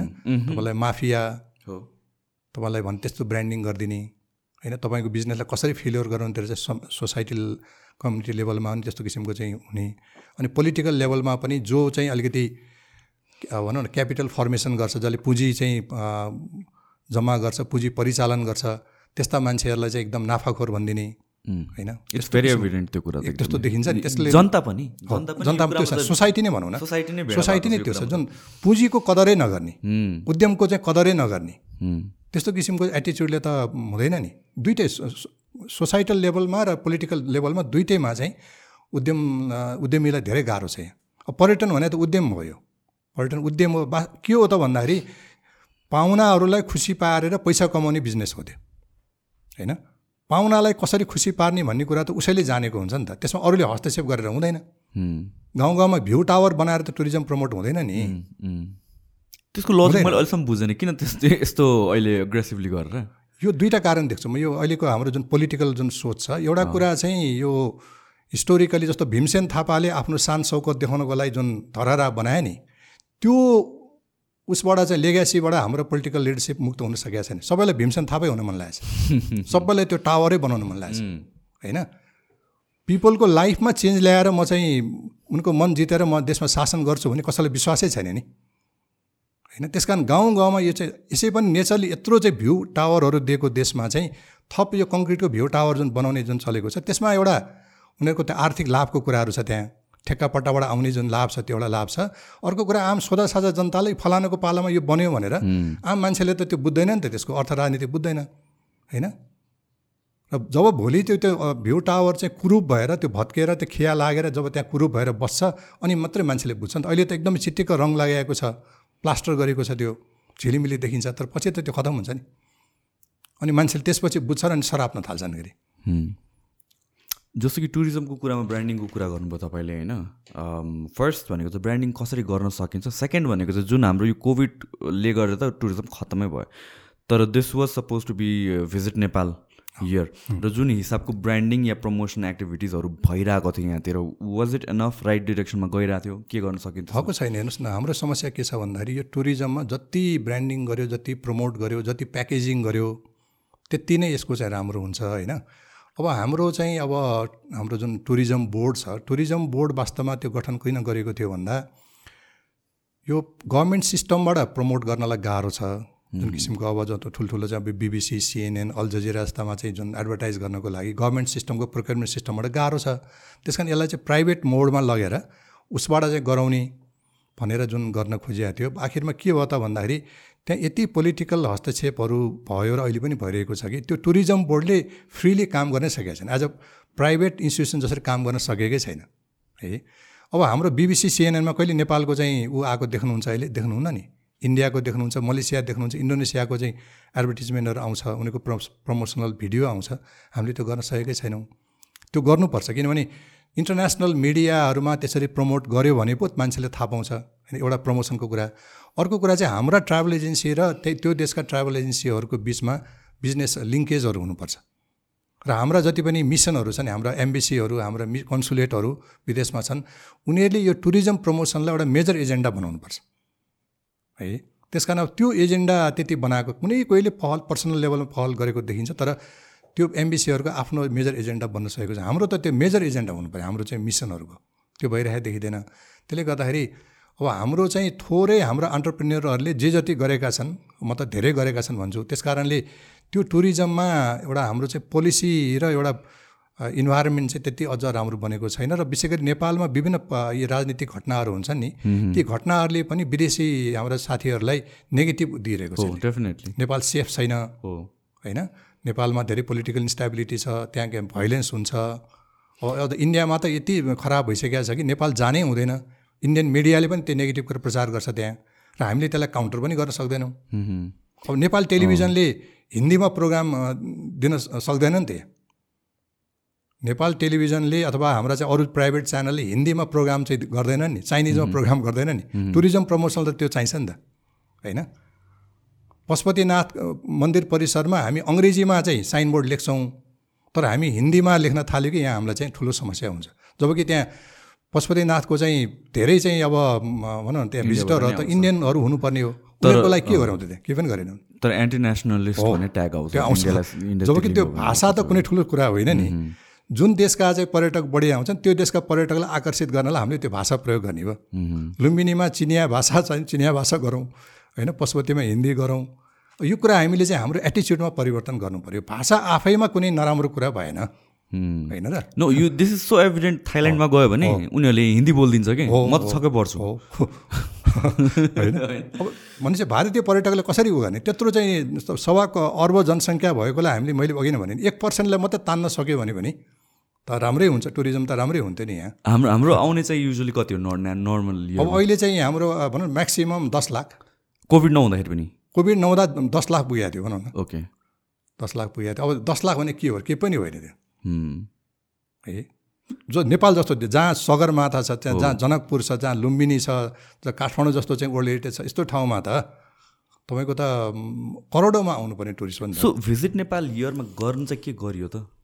अब यस्तो भयो भि- गर्न त म त्यसमा डाइरेक्टली इन्भल्भ भइनँ होइन? तर पनि अब अलिअलि मैले अध्ययन गर्दाखेरि अलिकति जुन नाइन्टिन नाइन्टी एटमा भिजिट नेपाल इयर गरेको थियो त्यसको चाहिँ बिस हरेक बिस वर्षमा त्यसलाई रिपिट गर्ने भन्ने हिसाबले गरेको। र अलिकति नेपाललाई एउटा आज डेस्टिनेसनको रूपमा चिनाउने भनेर गर्दा प्रयासहरू अब तर सुरु गर्दा गर्दै यो कोभिडले गर्दाखेरि चौपट भयो त्यो होइन।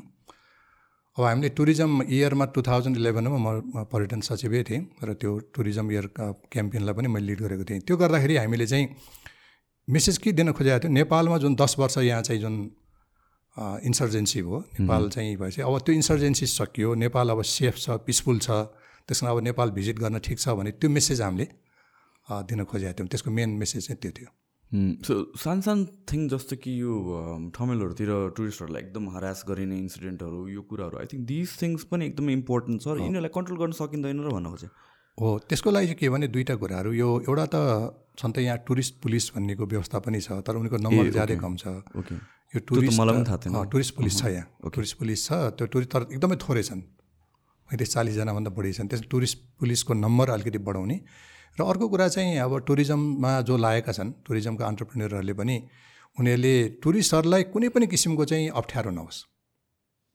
होइन? उनीहरूलाई अप्ठ्यारो नहोस् भनेर त्यो इन्भाइरोन्मेन्ट चाहिँ आफ्नो होटेलमा आफ्नो चाहिँ त्यो जहाँ जहाँ हाम्रो टुरिस्ट स्पटहरूमा त्यो चाहिँ क्रिएट गर्नुपर्छ हामीले। र हामीहरू पनि नेपाली आम जनताहरू पनि टुरिस्ट फ्रेन्डली हुनुपर्छ। हामी टुरिस्ट फ्रेन्डली हुनैपर्छ किनभने नेपालको ठुलो एउटा चाहिँ रेभेन्यूको सोर्स हो त्यो। इकोनोमीको ठुलो इम्पोर्टेन्ट इकोनोमीको एउटा चाहिँ सब सेक्टर हो। त्यसले गर्दाखेरि टुरिज्म फ्रेन्डली चाहिँ हाम्रो हुनैपर्छ हामीहरू। त्यो भने के हो त भन्दा हामीले चाहिँ छिमेकी देशबाट आएका पर्यटकलाई पनि बराबर समान व्यवहार गर्नुपर्छ। कसैलाई होच्याउने गाली गर्ने गर्नु भएन है। चाहे उत्तरबाट आउन् चाहे दक्षिणबाट आउन्। अनि अनि त्यो भाषा हामीले जान्नुपर्छ। छिमेकी देशको भाषा हामीले जान्यौँ भने त्यसले एकदमै राम्रो हुन्छ टुरिस्टलाई राम्रो इम्प्रेसन दिन्छ त्यसले। त्यसै अङ्ग्रेजी भाषा त जान्नै पऱ्यो होइन?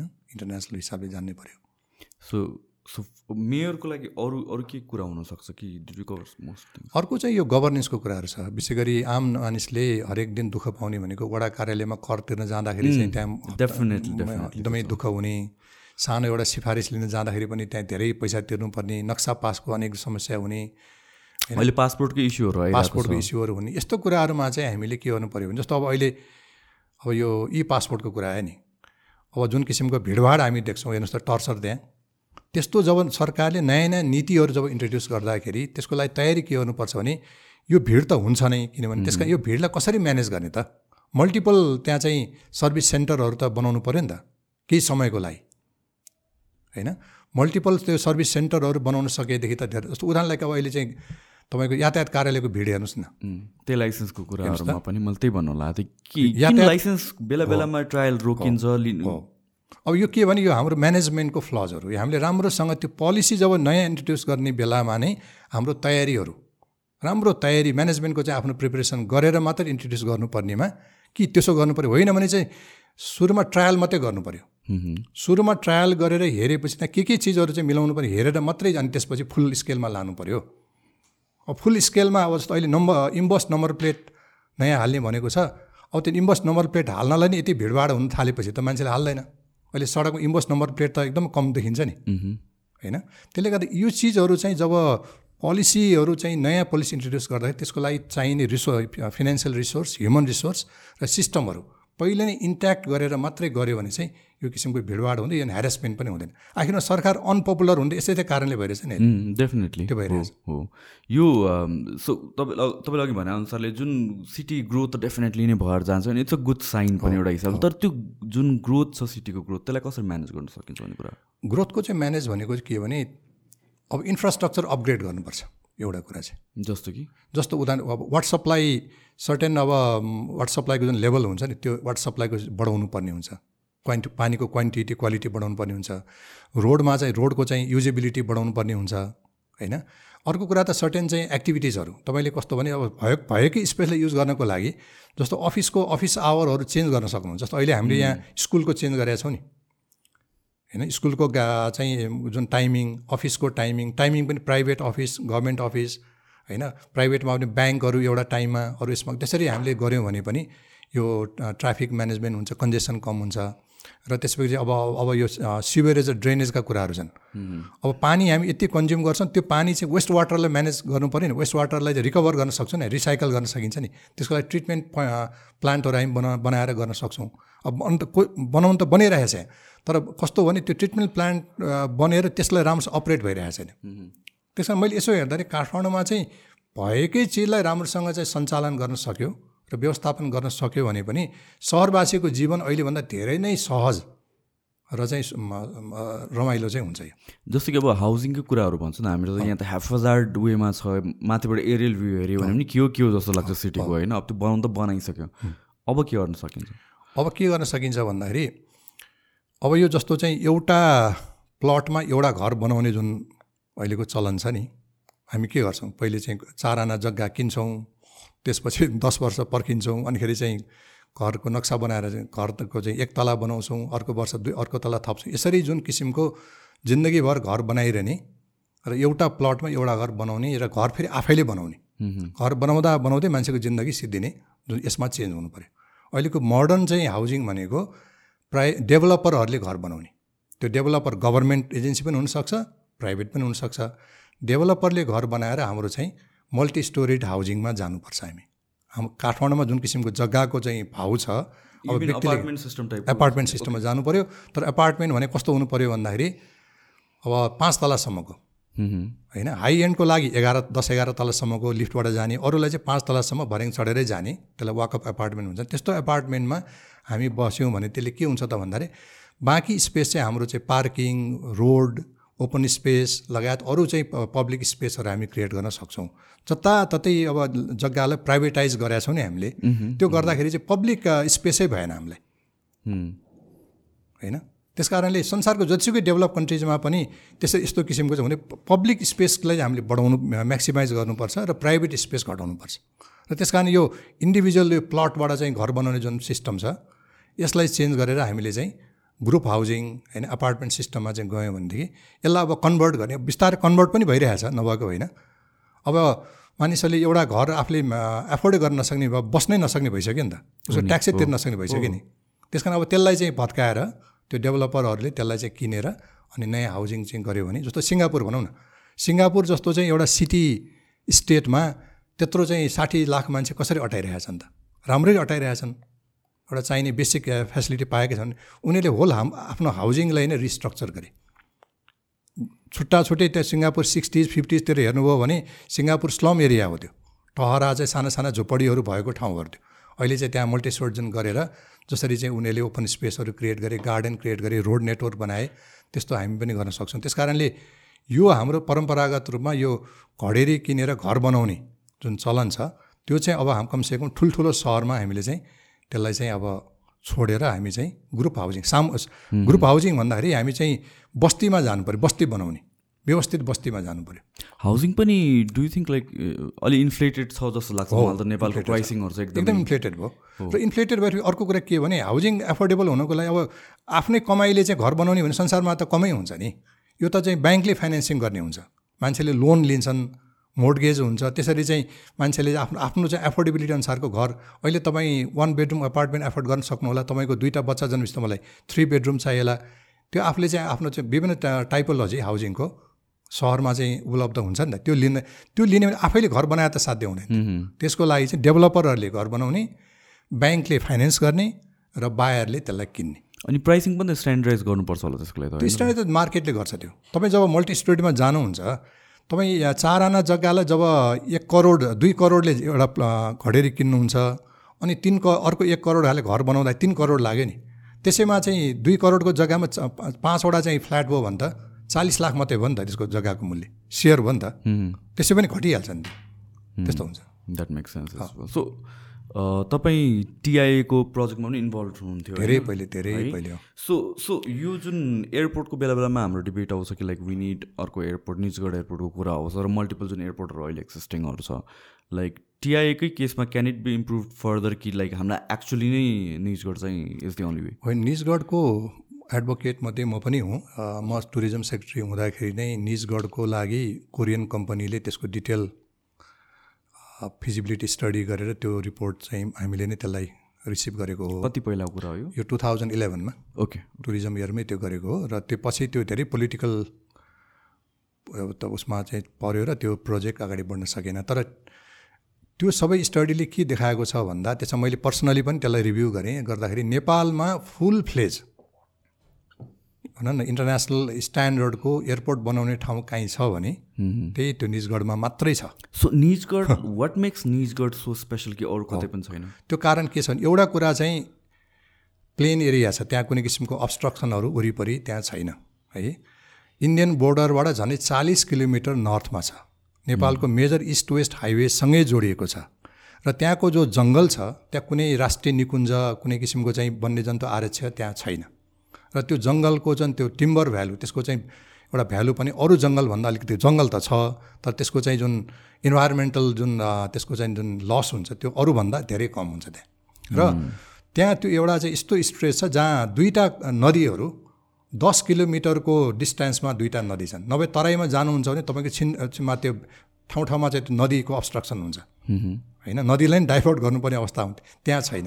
त्यस कारणले त्यो बेलाको स्टडी गर्दाखेरि नेपालमा धेरै ठाउँमा गर्दाखेरि सबभन्दा बेस्ट अनि राजधानी हाम्रो काठमाडौँको नजिक पनि छ। इस्ट वेस्ट हाइवे पनि माथि मेच तपाईँको चाहिँ कञ्चनपुरदेखि लिएर झापासम्मको मान्छेहरू आउन सहिलो पनि छ। इन्डियन बोर्डरबाट नजिक पनि छ। त्यसको जुन लोकेसनले गर्दाखेरि टेक अफ र ल्यान्डिङ गर्दाखेरि त्यो त्यो हवाईजहाजले नेपालकै टेरिटरीमा उसले चाहिँ टेक अफ र ल्यान्डिङ गर्न पनि सक्छ। धेरै कुराहरू छन्। त्यसका चाहिँ एभिएसनको पोइन्ट अफ भ्यूबाट इन्भाइरोमेन्टको पोइन्ट अफ भ्यूबाट त्यसको चाहिँ लोकेसनको पोइन्ट अफ भ्यूबाट धेरै हिसाबले त्यो बेस्ट भएर त्यो निजगढ निजगढ भनेको कारण थियो। ओके तपाईँको प्रश्नमा टिआइएको कुरा के छ? अब हामीले टिआइएमा धेरै इन्भेस्टमेन्ट गर्ने कुरा हुँदैन। टिआइएलाई सामान्य रूपमा अपरेट गर्नको लागि म्यानेजमेन्टमा मात्रै सुधार गर्ने हो। धेरै यसमा इन्फ्रास्ट्रक्चरमा गरेर गर्नुको अर्थ के भने हाम्रो नेसनल रिसोर्सहरू चाहिँ वेस्टेज मात्रै हुन्छ। अब हामीले निजगढ एयरपोर्टलाई नै बनाउनेतिर हामीले चाहिँ अब नेक्स्ट अब ट्वेन्टी इयर्स भनौँ न बिस वर्षको लागि हामीले निजगढ एयरपोर्टमै ध्यान दिनुपर्छ र अहिले अब भैरवामा जुन एयरपोर्ट सुरु हुन्छ त्यसले टिआइएको प्रेसरलाई पनि धेरै कम गर्छ। र तर पनि तर यी दुइटै काठमाडौँ भनौँ भैरवा भनौँ पोखरा भनौँ यो चाहिँ एउटा चाहिँ एकदम लिमिटेड सर्भिस मात्रै दिने एयरपोर्ट यसको टोपोग्राफीले लोकेसनले गर्दा यसले चाहिँ जुन फुल फ्लेज सर्भिस दिन सक्दैनन्। एउटा हामीले एउटा काम चलाउ भनौँ न काम चलाउ अन्तर्राष्ट्रिय विमानस्थल बनाएको मात्रै हो। त्यस कारण फुल फ्लेज इन्टरनेसनल एयरलाइन्सहरूले ट्रस्ट गर्न सक्ने ठुल्ठुला जहाजहरू आउन सक्ने सबै गर्न सक्ने भनेको निजगढ हो सो वान दि ओन्ली कन्ट्रोभर्सीमा आउने Nijgadh airport is because of त्यो इन्भाइरोमेन्ट इस्युजहरूले गर्दा प्रायः। इन्भाइरोमेन्ट हो। इन्भाइरोमेन्ट इस्यु पनि त अध्ययन गरेको छ। इआइए गरिएको छ त्यसको होइन? अब अनि अब जो इन्भाइरोमेन्टलिस्टहरूले जुन कुरा उठाउनु भएको छ त्यसलाई पनि त यो प्रोजेक्ट डेभलप गर्दा त्यसलाई इम्प्लिमेन्ट गर्दा विचार गरिन्छ नि त त्यो। होइन? हामीले के भनेका छौँ भने एकैचोटि त्यहाँ तिनवटा रनवे त एकैचोटि बन्दैन नि। अहिले त एउटा एउटा रनवेबाट काम हुन्छ त्यो एउटै रनवेले पनि काठमाडौँभन्दा दोब्बर बढी सर्भिस दिन सक्छ। किनभने दुवै एन्डबाट त्यहाँ चाहिँ टेकअफ ल्यान्डिङ हुनसक्छ। काठमाडौँमा त एउटा एन्डबाट मात्रै हुन्छ नि। यसभन्दा डबल सर्भिस त्यसले दिन्छ। त्यसपछि त्यसका टर्मिनल फेसिलिटिजहरू बिस्तारै त्यसलाई इन्क्रिमेन्टल बेसिसमा बनाउँदै जाने हो। एकैचोटि धेरै रुखहरू काट्नुपर्ने धेरै त्यहाँ चाहिँ गर्नुपर्ने पनि हुँदैन। यो एउटा चाहिँ अस्ति सूर्यराजीसँग पनि यो कुरा चाहिँ आएको थियो होइन? उहाँले अफ क्यामरा चाहिँ मलाई एउटा के फ्याक्ट के डेटा भन्नुभयो भने चाहिँ I think it was very important क्यामरामै पडकास्टमै एड्रेस गर्नुभएको भए। हामी इन्भाइरोमेन्टको कुरा गर्छौँ होइन? हामीहरूको नेपालको जुन जुन जङ्गल टु अर्बनाइजेसनको रेसियो छ it's around forty five percent भनेर भन्नुभयो होइन? इन्डियाहरूतिर चाइनाहरूतिर हेर्नुभयो भने somewhere around I'm forgetting the numbers तर somewhere around twenty twenty two percent कति छ। एसियाको स्ट्यान्डर्ड नै म्याक्सिमम् हुनु भनेको अराउन्ड थर्टी पर्सेन्ट हो। हामी फोर्टी फाइभमा छौँ। निजगढ एयरपोर्टले फोर्टी फाइभबाट हामीलाई फोर्टी थ्रीमा लिएर आउँछ। So it doesn't seem like a huge environment loss भन् टाइपको हिसाबले कुरा गर्नुभयो। अनि त्यसपछि it actually made sense I think यो डेटाहरू यो कुराहरू फ्याक्चुली एड्रेस गरिएको छैन या पुगिएको छैन जस्तो पनि लाग्छ। यो अलि बुझाउन सकिएको छैन वास्तवमा। निजगढको एयरपोर्टको बारेमा फ्याक्ट्स एन्ड फिगर्सहरू त्यसका कुराहरू चाहिँ हामीले धेरैलाई बुझाउन सकेका छैन। सेन्टिमेन्टको बेसिसमा मान्छेहरू इमोसनमा बढी इमोसनल हो अब रुख काट्न लाग्यो एयरपोर्ट पनि रुख काट्न लाग्यो भने त्यो इमोसनली मान्छेहरू त्यसमा चाहिँ लाग्ने भए होइन? नम्बर्समा कुरा गरौँ फ्याक्ट्समा कुरा गरौँ होइन? रियल करेक्ट डिसिजन गभर्मेन्टको डिसिजनमा कुरा गरौँ त्यसमा बेस्ट गरेर कुरा गऱ्यो भने त ठिकै हुन्छ नि। तर अब खालि हल्लाको भरमा होइन अब मिसइन्फर्मेसनको उसमा एउटा इमोसनको भरमा कुरा गर्दाखेरि त धेरै कुरा डिस्टर्टेड हुन्छ। सो यो निजगढको एयरपोर्टको जुन प्रोजेक्ट छ इज इट स्टिल गर्ने भनेर भइरहेको छ अहिले रिसेन्टली पनि अब गभर्मेन्टको एउटा डिसिजन आएको छ। त्यसमा चाहिँ अब नेपाल गभर्मेन्टको आफ्नै रिसोर्सले मात्रै सम्भव छैन। त्यो ह्युज प्रोजेक्ट हो। त्यसमा चाहिँ इन्टरनेसनल डोनरहरूको पनि त्यसमा चाहिन्छ। प्राइभेट सेक्टरको चाहिँ जस्तो अब त्यहाँ भनौँ न अब नेपालको प्राइभेट सेक्टरले चाह्यो भने एउटा टर्मिनलै बनाउन सक्छन् पिपिपी मोडलमा होइन अरू देशमा पनि हुन्छ आजकल पिपी एयरपोर्टमा जस्तो दिल्लीको एयरपोर्ट भन्नुहोस्। दिल्लीको एयरपोर्ट त त्यो प्राइभेट सेक्टरले गरेको त्यो टर्मिनल बनाएको त्यस्तो किसिमको चाहिँ प्राइभेट सेक्टरले काम गर्न सक्छ। गभर्मेन्ट प्राइभेट सेक्टर र इन्टरनेसनल डोनर मिलेर त्यो गर्न सकिन्छ। त्यो सबैजना बेनिफिटेड हुन्छ त्यसले। त्यसको कति एस्टिमेटेड छ बजेट अहिले एक्ज्याक्टली अहिले मलाई रियल थाहा छैन अहिले। तर पहिले मैले त्यो कोरियन कम्पनीबाट लिँदाखेरि त्यो तपाईँको झन्नै करिब एक खर्ब जति एक खर्ब जति खर्च हुने थियो। अब अहिले त त्यसको कस्ट धेरै बढिसक्यो। सो यो एक्सपेक्टेड टाइम अफ कम्प्लिसन के छ? अब यस्तो एयरपोर्ट चाहिँ मिन पाँच वर्ष जतिमा हामीले त्यसको फर्स्ट फेजसम्म गर्न सक्छौँ। फुल अब हामीले दिनरात खटेर काम गऱ्यौँ भने पाँच वर्ष मिनिमम लाग्छ। तर भैरवाको अब जुन अनुभव छ झनै अब म टुरिज्म सेक्रेटरी हुँदाखेरि त्यसको डिजाइनको काम सुरु भएको टु थाउजन्ड इलेभेनमा अब टु थाउजन्ड ट्वेन्टी टू भयो एघार वर्ष भयो होइन। त्यो बिचमा अरू कुराहरू धेरै अब अब्सट्रक्सन आयो। तर नर्मली नेपालको प्रोजेक्ट म्यानेजमेन्टको जुन हाम्रो केपेबिलिटीमा छ सात वर्ष चाहिँ लाग्छ। पाँच वर्षमा सकिँदैन। भनौँ दस वर्ष भन्नुहोस् न म्याक्सिमम् दस वर्षमा हामीले निजगढमा हवाईजहाज ओह्राल्न सक्यौँ भने चाहिँ त्यो ठुलै कुरा मान्नुपर्छ। सो सो ब्याक टु इलेक्सन्सको कुरा गर्दाखेरि सो यसपालि धेरैजना क्यान्डिडेट्सहरू उठ्नु भएको छ होइन? स्पेसली इन्डिपेन्डेन्ट क्यान्डिडेट्स भनेर। नाउ मेरो क्वेसन के आउँछ भनेर भन्दाखेरि चाहिँ डेभलपमेन्टको या भन्छ मैले यस्तो गर्ने भन्ने सबैजनाको चाहिँ हुन्छ होइन? राम्रो गुड फेथमै होला। तर it's that it's just one person in a big system enter गर्ने हो नि त। अनि त्यसलाई प्र्याक्टिकल ग्राउन्ड लेभलमा टु मेक इट ह्यापन त्यो or that is the biggest challenge हो जस्तो लाग्छ। किनभने प्राय सिटिजन्सहरूसँग कुरा गऱ्यो भने सबैलाई थाहा छ के गर्नुपर्छ भनेर। कसरी गर्ने भनेर त सल्युसन देखिँदैन। किनभने सिस्टम त वर्षौँ डेकेट्स पुरानो सिस्टम हो। त्यहाँ एकजना न्यू एन्टिटी आएर चाहिँ कसरी त्यो चेन्ज ल्याउन सकिन्छ र इज इट इभन पोसिबल त्यो एकदम गाह्रो छ। त्यो गाह्रो छ। किनभने आखिरमा हाम्रो काम गर्ने तौर तरिका त हाम्रो नीति नियम हाम्रो चाहिँ काम कार्यशैलीहरू त ओभरनाइट चेन्ज हुँदैन नि हो। हो एक्ज्याक्टली त्यो त त्यो त त्यस कारण अब सिटिजनहरू पनि सर्टेन उनीहरूको चाहिँ एउटा पर्सेप्सन छ नगरपालिकाको बारेमा होइन? हाम्रा विभिन्न कम्युनिटी अर्गनाइजेसनको पनि एउटा पर्सेप्सन छ। त्यहाँको जुन नगरपालिकाभित्रको ब्युरोक्रेसीको एउटा आफ्नो स्टाइल कार्यशैली छ एउटा केपेबिलिटी छ। अनि भोलि त्यहाँ नगरपालिका जो बोर्ड भन्छ वडा अध्यक्षहरू बत्तिसजना वडा अध्यक्ष एकजना उपमेयर एकजना मेयर जम्मा चौतिस होइन चौतिसजना चाहिँ इलेक्टेड हुन्छ अरू पनि हुन्छन् त्यहाँ। ती सबैको चाहिँ आफ्नो चाहिँ एउटा आफ्नो पर्सनल एजेन्डा हुन्छ। आफ्नो चाहिँ ग्रुप एजेन्डा हुन्छ आफ्नो पार्टीको एजेन्डा हुन्छ। यी सबैलाई म्यानेज गर्नुपर्छ। ती सबैलाई म्यानेज गर्ने एउटा खुबी पनि चाहियो। त्यसमा त्यो व्यक्तिले नगरपालिकाभित्रको सोसाइटी पनि बुझ्नु पऱ्यो एउटा इन्डिभिजुअललाई चिन्नु पऱ्यो सोसाइटी या त कम्युनिटीलाई बुझ्नु पऱ्यो त्यसपछि पोलिटिकल डाइनामिक्स पोलिटिकल डाइनामिक्सलाई चाहिँ बुझेर त्यसलाई म्यानेज गर्न सक्नु पऱ्यो र अनि ब्युरोक्रेसी जो छ त्यो ब्युरोक्रेसीको ट्रस्ट जित्नु पऱ्यो यहाँको नेताहरूले भन्छ नि मलाई ब्युरोक्रेसीले काम गर्न दिएन कर्मचारीले सहयोग गरेन भन्छ नि। त्यो किन भने भने उनीहरूले त्यो कर्मचारी तन्त्रलाई चलाउनै जानेन। उसले बुझ्दै बुझेन। तर इन्डिपेन्डेन्ट आएर गर्न सकिन्छ त। किनभने पार्टीबाट आयो भने चाहिँ इट एक्चुली मेक्स इन्डिपेन्डेन्टलाई एउटा चाहिँ एडभान्टेज छ। पार्टी पार्टीवालालाई चाहिँ पार्टीको एजेन्डा इम्पोज हुन्छ उसलाई। उसले पार्टीलाई सायद धेरै अब फाइदा पनि दिलाउनु पर्ने होला त्यहाँबाट। तर पार्टीले सिस्टमलाई चलाउनु पनि त हेल्प गर्छ होला नि त। चलाउन त्यो गर्छ। पार्टीको सङ्गठनले चाह्यो भने। चाह्यो भने तर नेपालको पार्टीले चाहिँ त्यो गर्दैन। त्यो कुरा अरू देशमा गर्छ होइन? नेपालको पार्टी त एकदमै आफ्नो कोही क्यान्डिडेट त्यहाँ चाहिँ जित्यो भने त्यसबाट एक्सटर्सन गर्ने त्यहाँबाट चाहिँ दोहन गर्ने मात्रै हो यहाँ नेपालको पार्टी चाहिँ। नेपालको पार्टीले सहयोग गरे भए त अहिले हाम्रो काठमाडौँमा विद्या सुन्दरजीलाई त हिरो बनाउँथ्यो नि त। उहाँकै पार्टीको सरकार थियो त्यस्ता शक्तिशाली प्रधानमन्त्री थिए ठुलो पार्टी थियो। तर भएन नि त विद्या सुन्दरजीलाई उहाँको पार्टीले सहयोग गरे त देखेन। नो हि इज भेरी एकदमै कन्ट्रोभर्सियल फिगर अहिले रिसेन्टली कोभिडदेखि कतिवटा डिबेटमा आइरहनु भएको हुन्छ। तर उहाँलाई पार्टीले बचाउनु पनि त खोजेन नि त। उहाँको जुन बदनामीलाई कम गर्नको लागि पार्टीले के पनि हेल्प गरे त देखिएन पार्टी खालि त्यो लेभलमा म्युनिसिपल लेभलमा मात्रै होइन कि। सेन्ट्रल लेभलमा पनि उहाँको पार्टी त दुई तिहाईको सरकार त उहाँको पार्टीको थियो नि त। तर भएन नि। त्यसकारण नेपालको पार्टीले सपोर्ट गर्ला भन्ने त मलाई विश्वास छैन। त्यहाँबाट लिने फाइदाहरू त प्रशस्त लिन्छन्। त्यहाँ पार्टीका कार्यकर्ताले लिनुपर्ने बेनिफिटहरू बेने विद्यासुन्दरजीबाट पनि प्रशस्त लिए होलान् होइन? अरूले पनि लिए होलान्। त्यस कारण त्यो अरूलाई चित्त बुझाउँदा बुझाउँदै अरूलाई बाँड्दा बाँड्दै उहाँले नागरिकले दिने चिज चाहिँ केही पनि दिने दिन पाउनु भएन। जो नागरिकले करदाताले मतदाताले जुन पाउनु पर्थ्यो नि खासै पाउन सकेन।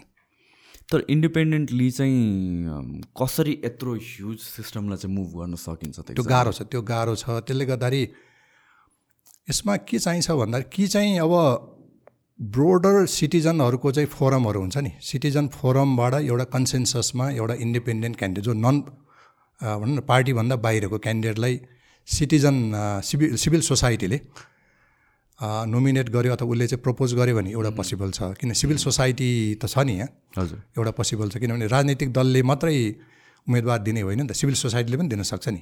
त्यस कारण सिभिल सोसाइटीले त्यसरी एउटा कन्सेन्सस बनाएर कुनै एउटा क्यान्डिडेटलाई पनि गर्न सक्छ। त्यो राम्रो पनि हुन्छ। र त्यो एउटा I think I see this issue यसपालिको इलेक्सन्समा किन भन्छ इन्डिपेन्डेन्ट क्यान्डिडेट्सहरू नै यति धेरै भइसक्यो वी हेभ लस्ट काउन्ट र त्यो झन् त्यो भोट्सहरू डिभाइड मात्र भएर जान्छ जस्तो लाग्यो त्यहाँ बडा खतरा छ। त्यस कारणले यसमा गर्नु के पर्छ भने सिभिल सोसाइटीले यसलाई यी विभिन्न क्यान्डिडेटहरू छन् ती क्यान्डिडेटहरूसँग चाहिँ उनीहरूसँग चाहिँ डिबेट गरेर out of that best candidate को हो भनेर त्यसलाई चाहिँ प्रपोज गऱ्यो भने चाहिँ त्यो राम्रो होला। होइन भने त गाह्रो हुन्छ तर फेरि त्यो पनि रिस्क भएर जाँदैन। इन द बिगर टर्म त्यो सिभिल सोसाइटी नै पार्टी जस्तो एक्ट गरेर जान् जाँदैन होइन नेपालमा त्यही त समस्या हो। नेपालमा सिभिल सोसाइटी भन्ने नै भएन। सबै अर्गनाइजेसनहरू यो पोलिटिसाइज भएको छ। सबै अर्गनाइजेसनमा पार्टीहरू छिरेका छन् त्यहाँ। प्रोफेसनल अर्गनाइजेसनमा पनि छिरेका छन् सोसियलमा पनि छिरेका छन् गुठीहरूमा छिरेका छन् क्लबमा छिरेका छन्। त्यसले गर्दाखेरि इन्डिपेन्डेन्ट सिभिल सोसाइटी भन्न पनि गाह्रो छ। तैपनि एउटा बाहिर आवरणमा हामीले चाहिँ त्यो सिभिल जुन देख्छौँ तिनीहरूले एउटा गर्यो भने एउटा कुरा नभए चाहिँ इन्डिपेन्डेन्ट क्यान्डिडेटलाई त यहाँ गाह्रो छ। किनभने उसको त सङ्गठन हुँदैन। नेपालमा यो चुनाव जित्ने त सङ्गठनको पनि ठुलो चाहिँ रोल छ यहाँ। त्यो चाहिँ उसलाई धेरै गाह्रो हुन्छ कि ऊ एकदम यस्तो किसिमको चाहिँ एउटा पर्सनालिटी हुनु पऱ्यो कि उसले चाहिँ यहाँका नगरवासीको मन जितेर गऱ्यो भने पनि हुन्छ। जस्तो म अहिले म एउटा चाहिँ एउटा पूर्व कर्मचारीको रूपमा थिएँ र पछि मैले जुन महानगरको उम्मेदवारी दिएँ र मलाई चाहिँ मैले जुन किसिमको आफ्नो चाहिँ प्रस्तुतिहरू दिएँ मैले आफ्नो एजेन्डाहरू प्रस्तुत गरेँ कमसेकम अठार हजार मतदाताले त मलाई पत्याए नि होइन? त्यतिले त मलाई पत्याए नि। त्यसरी चाहिँ अब अलिकति मैले समय बढी पाएको भए सायद अठारको भोलि गएर चालिस हजार हुनसक्थ्यो छ दिनको बिचमा चुनाव चिन्ह पाएर आफूले गरेको प्रचारबाट त्यति भोट आयो नि। त्यो त आउने रहेछ नि। त्यसले एउटा के कन्सेप्ट दियो भने त्यसको चाहिँ राम्रो चाहिँ एउटा क्यान्डिडेट यदि उठेर उसले एउटा आफ्नो एजेन्डा सिटिजनलाई दिन सक्यो भने चाहिँ सिटिजनले त्यहाँ भोट दिन्छ भन्ने कुरा चाहिँ प्रुभ चाहिँ भयो। न इलेक्सन्समा प्रब्लम के छ? किन भन्छ जहिले पनि यस्तो हुन्छ कि we never learn from our mistakes जस्तो कि जहिले पनि हामी त्यही पार्टीको मान्छेलाई दिन्छौँ जहिले पनि त्यही क्यान्डिडेट्सहरू पिपल लाइक यु तपाईँहरूलाई चाहिँ जिताउनु चाहिँ किन जनता चाहन्छ? यस्तो छ हामीले यो मैले बुझेसम्म चाहिँ यो राजनीतिलाई हामीले धर्मको रूपमा लियो कि। राजनीतिलाई धर्म जसरी हामी धर्म मान्छौँ नि होइन? त्यस्तै राजनीति पनि म फलानाको चाहिँ भोटर हुँ म फलानाको समर्थक आफूले त्यसरी ब्रान्डिङ गरेका छौँ हामीले। त्यो त जेनेरेसनबाटै पास भएर पास भएर आएको छ। त्यस कारण यो राजनीतिलाई धर्म हो भन्ने कुरा बिर्सिनु पऱ्यो यो धर्म होइन यो। राजनीति भनेको चोइस हो। होइन? यो चोइस हो। त्यस कारण आफूलाई मन परेको उम्मेदवार मन परेको पार्टीलाई भोट हाल्ने हो। आफूले आफूलाई ब्रान्डिङ गर्नु पर्दैन। होइन? आफू एउटा चाहिँ सार्वभौम हुनु पऱ्यो एउटा सोभरेन भन्छौँ नि हामी। संविधानले त हामीलाई नेपालीहरूलाई त सोभरेन बनाएको छ नि। त्यो सोभरेन्टी जब हामीले प्रयोग गऱ्यौँ भनेदेखि र आफ्नो विवेक प्रयोग गरेर सोभरेन्टी प्रयोग गऱ्यौँ भने चाहिँ अनि राइट क्यान्डिडेटहरू त्यहाँ पुग्छन् जित्छन् र राइट क्यान्डिडेटले बडा हामी शासित गभर्न हुँदाखेरि हामीलाई पनि आनन्द आउँछ। रङ क्यान्डिडेटहरू इन्कम्पिटेन्ट क्यान्डिडेटहरू करप्ट क्यान्डिडेटहरूलाई चाहिँ जिताएर भोलि त्यो करप्ट मान्छेबाट शासित हुँदाखेरि त जुन त्यो एउटा लज्जाबोध हुन्छ नि त्यो लज्जा त सबैलाई हुन्छ नि। त्यस हामीहरू चाहिँ करप्ट मान्छेबाट इन्कम्पिटेन्ट मान्छेबाट हामी चाहिँ गभर्न हुने कि एउटा कम्पिटेन्ट एउटा चाहिँ करिस्मेटिक लिडरबाट गभर्न हुने एउटा चाहिँ फेयर मान्छेबाट गभर्न हुने। डेफिनेटली फेयरबाट गभर्न हुन चाहन्छौँ। त्यसको लागि हामीले चाहिँ हाम्रो सोभरेन पावर युज गर्नु पऱ्यो ओके सो लास्ट कुरा डिस्कस गर्नुपर्दा यो हामीले कतिवटा कुराहरू डिस्कस गरेँ for candidate of a mayor होइन? अरू केही कुरामा वर्क गर्नु जरुरी छ जस्तो लाग्छ? के को लागि फर फर अ मेयर मेयरको लागि? मेयरको लागि चाहिँ बेसिकली यो कस्तो हो भने यो एक किसिमले मोर पोलिटिकल भन्दा पनि मोर गभर् गभर्नेन्सको चाहिँ रोल हो त्यो। मेयरको काम भएको चिजलाई म्यानेज गर्ने हो। एउटा यङ लिडरले म्यानेज गर्न सक्छ? किन नसक्नु? यङ लिडरले गर्न सक्छ कि? एक्सपिरियन्सको कुराहरू आउँछ नि त फेरि। होइन हेर्नुहोस् एक्सपिरियन्सले सधैँ काम गर्दैन। अहिलेको जुन किसिमको ग्लोबलाइज भइरहेको छ ग्लोबलाइज वर्ल्डमा अहिलेको जुन आइटी र अरूले गर्दा जुन किसिमको चाहिँ एउटा एउटा भनौँ न इन्फर्मेसन टेक्नोलोजीमा जुन रेभोल्युसन आएको छ यो गभर्नेन्सको मोडालिटीले चेन्ज गर्यो। हामी इ गभर्नेन्स भन्छौँ नि। त्यस कारण त्यो ट्रेडिसनल गभर्नेन्सको मोडलबाट काम हुँदैन कि अब। त्यस कारण अहिलेको चाहिँ नयाँ गभर्नेन्सको मोडलमा जानु पऱ्यो स्मार्ट अब एउटा चाहिँ टेक्नोलोजीहरू युज गर्नु पऱ्यो एउटा हामी स्मार्ट सिटीका चाहिँ खुब नारा दिन्छौँ। तर त्यो स्मार्ट सिटीका जुन यसका चाहिँ साइलेन्ट फिचरहरू त्यसका एलिमेन्टहरूलाई कहिले पनि हामी ध्यान दिएनौँ। होइन? त्यस कारण अब अहिले त चाहिँ स्मार्ट गभर्नेन्स चाहियो। त्यो गर्नको लागि चाहिँ अब अहिले नयाँ पुस्ताले मात्रै सक्छ। यो पुरानो पुस्ताले त्यो कुरा बुझ्दैन। होइन? सधैँ आन्दोलनै गर्ने सधैँ अब चाहिँ टायरै बाल्ने सधैँ चाहिँ तोडफोडै गरेर हुर्केको पुस्ताले त यो गर्नै सक्दैन नि। उसले शासन गर्नै सक्छ सक्दैन भन्ने कुरा त पटक पटक प्रमाणित भइसकेकै छ नि मुलुकमा। अब हामीले त इतिहासबाट पनि सिक्नु पऱ्यो होइन? तिसौँ वर्षसम्म त्यही व्यक्ति पटक पटक चाहिँ त्यहाँ पदमा पुग्दा उसले नसक्ने भने सकेपछि त एकचोटिको कुरा हो र बेनिफिट अफ डाउट दिने ठाउँ पनि छैन अब त। पटक पटक चाहिँ फेलियर भएको चाहिँ जुन जेनेरेसन छ त्यसले के गर्न सक्छ र? सक्दैन। तर आई थिङ्क जुन जुन पिरियडमा इलेक्सन्स हुन्छ त्यो त्यो पिरियडसम्ममा चाहिँ मान्छेहरूले बिर्सिन्छ जस्तो लागेको हो त्यो भएर अहिलेको म मेरो आशा चाहिँ अहिलेको नयाँ पुस्ता अहिलेको नयाँ मतदाताहरू नयाँ पुस्ता तपाईँहरू जस्तो चाहिँ जुन जेनेरेसनले यो बुझ्नुपर्छ र आफ्नो साथीहरूलाई आफ्नो ल्याङ्ग्वेजमा बुझाउनुपर्छ। मलाई लाग्छ मैले जुन ल्याङ्ग्वेज बोलेको छु हुनसक्छ हाम्रो धेरै युवा साथीहरूलाई मैले बोलेको कुरा नबुझ्या नै हुनसक्छ। र यो तपाईँहरू चाहिँ मिडिया कर्मीको तपाईँहरू सेलिब्रिटीहरूको चाहिँ रोल हो कि उनीहरूले बुझ्ने भाषामा यो बताइदिनुपर्छ। हुन्छ। So I think we are at the end of आजको पडकास्ट के लास्टमा के भनिदिन्छ होइन ठिक छ। ठिक छ? ठिक छ। मलाई लाग्छ कि हामीहरू अब नेतालाई गाली गरेर देशलाई गाली गरेर होइन कि हामीले चाहिँ आफ्नो लेभलबाट गर्न सक्ने कुराहरू के हो? त्यो हामी सबैले गर्नु पऱ्यो र पोलिटिकल लेभलमा भन्दा हामी चाहिँ एउटा सोभरेन विवेक प्रयोग गर्ने। हाम्रो चाहिँ सार्वभौम जुन नागरिक भएपछि हामीले विवेक प्रयोग गरेर गुण र दोषको आधारमा राम्रो नराम्रो भन्न सक्नु पऱ्यो इमोसनको आधारमा होइन मोर ऱ्यासनल मोर लजिकल डिसिजनहरू गरेर गऱ्यौँ र अनि नेपालमै भएका अहिलेको युवा पुस्ताले पनि नेपालमै भएका अपर्च्युनिटीहरूलाई एक्सप्लोर गरेर यसैलाई क्यापिटलाइज गरेर गऱ्यौँ भने चाहिँ हामी नेपालमै बसेर पनि धेरै उन्नति गर्न सक्छौँ धेरै प्रगति गर्न सक्छौँ। नेचरले यति ठुलो यस्तो राम्रो देश हामीलाई जुन दिएको छ यसलाई त हामीले म्यानेज गर्न नसके मात्रै हो। हामीले धेरै कुरा यहाँ बनाउनै पर्दैन। यसलाई राम्रोसँग चाहिँ यसलाई कन्जर्भ गर्ने प्रोटेक्ट गर्ने म्यानेज गऱ्यो भने हाम्रो देश एकदमै सुन्दर देश छ। हाम्रो एउटा एउटा चाहिँ भनौँ धेरै ठुलो सि पुरानो सिभिलाइजेसन छ। होइन त्यो त्यसलाई चाहिँ हामीले चाहिँ कन्जर्भ गर्ने र नयाँ चाहिँ अहिलेको जुन ग्लोबल कन्टेक्स्टमा पनि हामीहरू अघि बढ्यो भने हामीले चाहिँ गर्न सक्छौँ र नेपाली हुनुमा हामीले गर्व गर्नुपर्छ। हामी जुनसुकै ब्याकग्राउन्डको चाहिँ जुनसुकै कल्चरल ब्याकग्राउन्ड भयो जुनसुकै भाषा बोले पनि हामी यो नेपाल देश नेपाल राष्ट्र नेपालीत्व भन्ने छ नि त नेपाली पना भन्ने छ नि त त्यो नेपाली पनालाई चाहिँ हामीले जोगाउनुपर्छ। त्यो पना नेपालभित्र मात्र होइन संसारको जुनसुकै मुलुकमा गएर पनि त्यो नेपाली पनालाई चाहिँ हामीले जोगाउन सक्यौँ भनेदेखि अनि त्यसमा हाम्रो अस्तित्व चाहिँ रहन्छ। Thank you so much